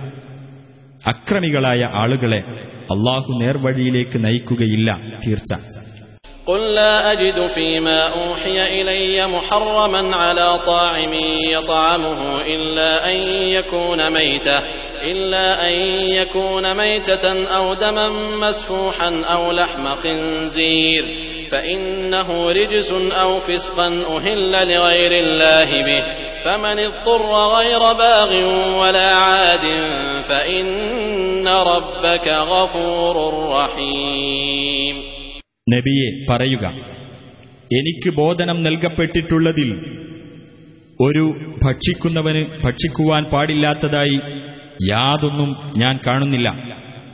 അത് ശവമോ ഒഴുക്കപ്പെട്ട രക്തമോ പന്നിമാംസമോ ആണെങ്കിലൊഴികെ കാരണം അത് മ്ലേച്ഛമത്ര. അല്ലെങ്കിൽ അള്ളാഹുവല്ലാത്തവരുടെ പേരിൽ നേർച്ചയായി പ്രഖ്യാപിക്കപ്പെട്ടതിനാൽ അധാർമികമായി തീർന്നിട്ടുള്ളതും ഒഴികെ. എന്നാൽ വല്ലവനും ഇവ ഭക്ഷിക്കാൻ നിർബന്ധിതനാകുന്ന പക്ഷം അവൻ നിയമലംഘനം ആഗ്രഹിക്കാത്തവനും അതിരു വിട്ടുപോകാത്തവനുമാണെങ്കിൽ നിന്റെ നാഥൻ തീർച്ചയായും ഏറെ പൊറുക്കുന്നവനും കരുണാനിധിയുമാകുന്നു وعلى الذين هادوا حرمنا كل ذي ظفر ومن البقر والغنم حرمنا عليهم شحومهما إلا ما حملت ظهورهما إلا ما حملت ظهورهما أو الحوايا أو ما اختلط بعظم ذلك جزيناهم ببغيهم وإنا لصادقون നഖമുള്ള എല്ലാ ജീവികളെയും ജൂതന്മാർക്ക് നാം നിഷിദ്ധമാക്കുകയുണ്ടായി പശു ആട് എന്നീ വർഗങ്ങളിൽ നിന്ന് അവയുടെ കൊഴുപ്പുകളും നാം അവർക്ക് നിഷിദ്ധമാക്കി അവയുടെ മുതുകിന്മേലോ കുടലുകൾക്ക് മീതെയോ ഉള്ളതോ എല്ലുമായി ഒട്ടിച്ചേർന്നതോ ഒഴികെ അവരുടെ ധിക്കാരത്തിന് നാം അവർക്ക് നൽകിയ പ്രതിഫലമത്രേ അത് തീർച്ചയായും നാം സത്യം പറയുകയാകുന്നു فإن كذبوك فقل ربكم ذو رحمة واسعة ولا يرد بأسه عن القوم المجرمين ഇനി അവർ നിന്നെ നിഷേധിച്ചു കളയുകയാണെങ്കിൽ നീ പറഞ്ഞേക്കുക നിങ്ങളുടെ രക്ഷിതാവ് വിശാലമായ കാരുണ്യമുള്ളവനാകുന്നു എന്നാൽ കുറ്റവാളികളായ ജനങ്ങളിൽ നിന്ന് അവന്റെ ശിക്ഷ ഒഴിവാക്കപ്പെടുന്നതല്ല سيقول الذين أشركوا لو شاء الله ما أشركنا ولا آباؤنا ولا حرمنا من شيء كذلك كذب الذين من قبلهم حتى ذاقوا بأسنا قل هل عندكم من علم فتخرجوه لنا إن تتبعون إلا الظن وإن أنتم إلا تخرصون ആ ബഹുദൈവാരാധകർ പറഞ്ഞേക്കും അള്ളാഹു ഉദ്ദേശിച്ചിരുന്നെങ്കിൽ ഞങ്ങളോ ഞങ്ങളുടെ പിതാക്കളോ അള്ളാഹുവോട് പങ്കു ചേർക്കുമായിരുന്നില്ല ഞങ്ങൾ യാതൊന്നും നിഷിദ്ധമാക്കുമായിരുന്നുമില്ല എന്ന്. ഇതേ പ്രകാരം അവരുടെ മുൻഗാമികളും നമ്മുടെ ശിക്ഷ ആസ്വദിക്കുന്നതുവരെ നിഷേധിച്ചു കളയുകയുണ്ടായി. പറയുക നിങ്ങളുടെ പക്കൽ വല്ല വിവരവുമുണ്ടോ? എങ്കിൽ ഞങ്ങൾക്ക് നിങ്ങൾ അതൊന്ന് വെളിപ്പെടുത്തി തരൂ ഊഹത്തെ മാത്രമാണ് നിങ്ങൾ പിന്തുടരുന്നത്. നിങ്ങൾ അനുമാനിക്കുക മാത്രമാണ് ചെയ്യുന്നത്. قل فلله الحجة البالغة فلو شاء لهداكم أجمعين പറയുക ആകയാൽ അള്ളാഹുവിനാണ് മികച്ച തെളിവുള്ളത് അവൻ ഉദ്ദേശിച്ചിരുന്നെങ്കിൽ നിങ്ങളെ മുഴുവൻ അവൻ നേർവഴിയിലാക്കുക തന്നെ ചെയ്യുമായിരുന്നു قل هلم شهداءكم الذين يشهدون أن الله حرم هذا فإن شهدوا فلا تشهد معهم ولا تتبع أهواء الذين كذبوا بآياتنا ولا تتبع أهواء الذين كذبوا بآياتنا والذين لا يؤمنون بالآخرة وهم بربهم يعدلون പറയുക അള്ളാഹു ഇതൊക്കെ നിഷിദ്ധമാക്കിയിരിക്കുന്നു എന്ന് സാക്ഷ്യപ്പെടുത്തുന്ന നിങ്ങളുടെ സാക്ഷികളെ കൊണ്ടുവരിക.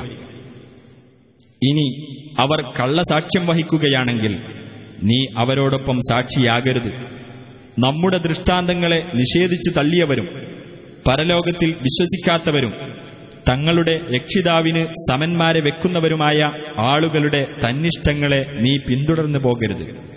قل تعالوا أتل ما حرم ربكم عليكم ألا تشركوا به شيئا وبالوالدين إحسانا ولا تقتلوا أولادكم من إملاق نحن نرزقكم وإياهم ولا تقربوا الفواحش ما ظهر منها وما بطن ولا تقتلوا النفس التي حرم الله إلا بالحق ذلكم وصاكم به لعلكم تعقلون നബിയെ പറയുക നിങ്ങൾ വരൂ നിങ്ങളുടെ രക്ഷിതാവ് നിങ്ങളുടെ മേൽ നിഷിദ്ധമാക്കിയത് നിങ്ങൾക്ക് ഞാൻ പറഞ്ഞു കേൾപ്പിക്കാം അവനോട് യാതൊന്നിനെയും നിങ്ങൾ പങ്കുചേർക്കരുത് മാതാപിതാക്കൾക്ക് നന്മ ചെയ്യണം ദാരിദ്ര്യം കാരണമായി സ്വന്തം മക്കളെ നിങ്ങൾ കൊന്നുകളയരുത്. നാമാണ് നിങ്ങൾക്കും അവർക്കും ആഹാരം തരുന്നത്. പ്രത്യക്ഷവും പരോക്ഷവുമായ നീചവൃത്തികളെ നിങ്ങൾ സമീപിച്ചു പോകരുത്. അള്ളാഹു പരിപാവനമാക്കിയ ജീവനെ ന്യായപ്രകാരമല്ലാതെ നിങ്ങൾ ഹനിച്ചു കളയരുത്. നിങ്ങൾ ചിന്തിച്ചു മനസ്സിലാക്കുവാൻ വേണ്ടി അള്ളാഹു നിങ്ങൾക്ക് നൽകിയ ഉപദേശമാണത്.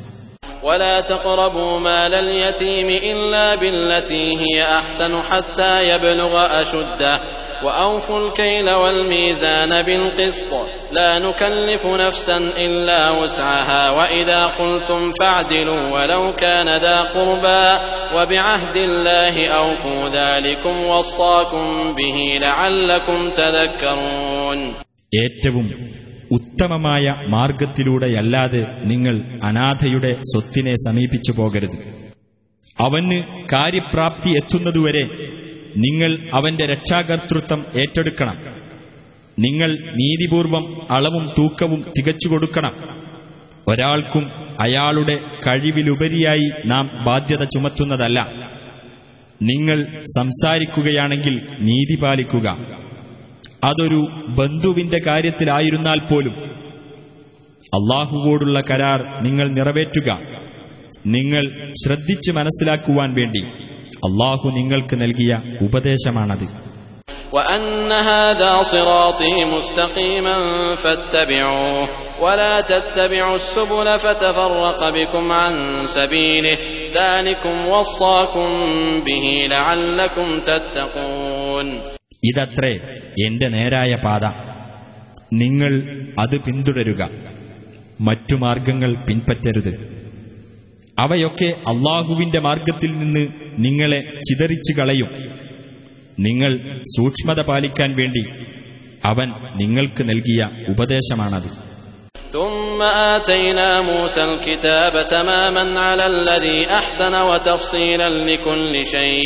آتينا موسى الكتاب تماما على الذي أحسن وتفصيلا لكل شيء وتفصيلا لكل شيء وهدى ورحمة لعلهم بلقاء ربهم يؤمنون നന്മ ചെയ്തവന് അനുഗ്രഹത്തിന്റെ പൂർത്തീകരണമായിക്കൊണ്ടും എല്ലാ കാര്യത്തിനുമുള്ള വിശദീകരണവും മാർഗദർശനവും കാരുണ്യവുമായിക്കൊണ്ടും പിന്നീട് മൂസാക്ക് നാം വേദഗ്രന്ഥം നൽകി തങ്ങളുടെ രക്ഷിതാവുമായുള്ള കൂടിക്കാഴ്ചയിൽ അവർ വിശ്വസിക്കുന്നവരാകാൻ വേണ്ടി وهذا كتاب أنزلناه مبارك فاتبعوه واتقوا لعلكم ترحمون ഇതാകട്ടെ നാം അവതരിപ്പിച്ച നന്മ നിറഞ്ഞ ഗ്രന്ഥമത്രേ അതിനെ നിങ്ങൾ പിൻപറ്റുകയും സൂക്ഷ്മത പാലിക്കുകയും ചെയ്യുക നിങ്ങൾക്ക് കാരുണ്യം ലഭിച്ചേക്കാം أن تقولوا إنما أنزل الكتاب على طائفتين من قبلنا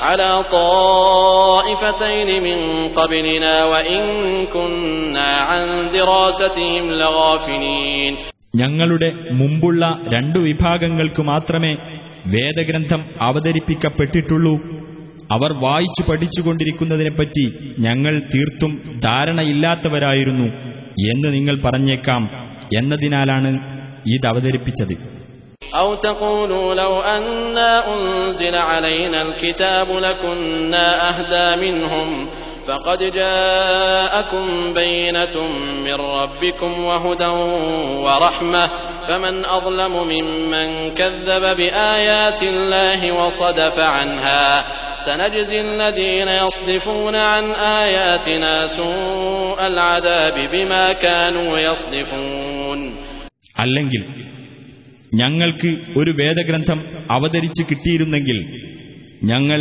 അവരെക്കാൾ സന്മാർഗികളാകുമായിരുന്നു എന്ന് നിങ്ങൾ പറഞ്ഞേക്കാം എന്നതിനാൽ അങ്ങനെ നിങ്ങൾക്കിതാ നിങ്ങളുടെ രക്ഷിതാവിങ്കിൽ നിന്ന് വ്യക്തമായ പ്രമാണവും മാർഗദർശനവും കാരുണ്യവും വന്നുകിട്ടിയിരിക്കുന്നു എന്നിട്ടും അള്ളാഹുവിന്റെ തെളിവുകളെ നിഷേധിച്ചു തള്ളുകയും അവയിൽ നിന്ന് തിരിഞ്ഞു കളയുകയും ചെയ്തവനേക്കാൾ കടുത്ത അക്രമി ആരുണ്ട്? നമ്മുടെ തെളിവുകളിൽ നിന്ന് തിരിഞ്ഞു കളയുന്നവർക്ക്. അവർ തിരിഞ്ഞു കളഞ്ഞുകൊണ്ടിരുന്നതിന് പ്രതിഫലമായി നാം കടുത്ത ശിക്ഷ നൽകുന്നതാണ്. هل ينظرون إلا أن تأتيهم الملائكة أو يأتي ربك أو يأتي بعض آيات ربك؟ يوم يأتي بعض آيات ربك لا ينفع نفسا إيمانها. لم تكن آمنت من قبل لم تكن آمنت من قبل أو كسبت في إيمانها خيرا. قل انتظروا إنا منتظرون. തങ്ങളുടെ അടുക്കൽ മലക്കുകൾ വരുന്നതോ? നിന്റെ രക്ഷിതാവ് തന്നെ വരുന്നതോ? നിന്റെ രക്ഷിതാവിന്റെ ഏതെങ്കിലും ഒരു ദൃഷ്ടാന്തം വരുന്നതോ അല്ലാതെ മറ്റെന്താണവർ കാത്തിരിക്കുന്നത്? നിന്റെ രക്ഷിതാവിന്റെ ഏതെങ്കിലും ഒരു ദൃഷ്ടാന്തം വരുന്ന ദിവസം മുമ്പ് തന്നെ വിശ്വസിക്കുകയോ വിശ്വാസത്തോടുകൂടി വല്ല നന്മയും ചെയ്തു വെക്കുകയോ ചെയ്തിട്ടില്ലാത്ത യാതൊരാൾക്കും തന്റെ വിശ്വാസം പ്രയോജനപ്പെടുന്നതല്ല. പറയുക നിങ്ങൾ കാത്തിരിക്കൂ. ഞങ്ങളും കാത്തിരിക്കുകയാണ്.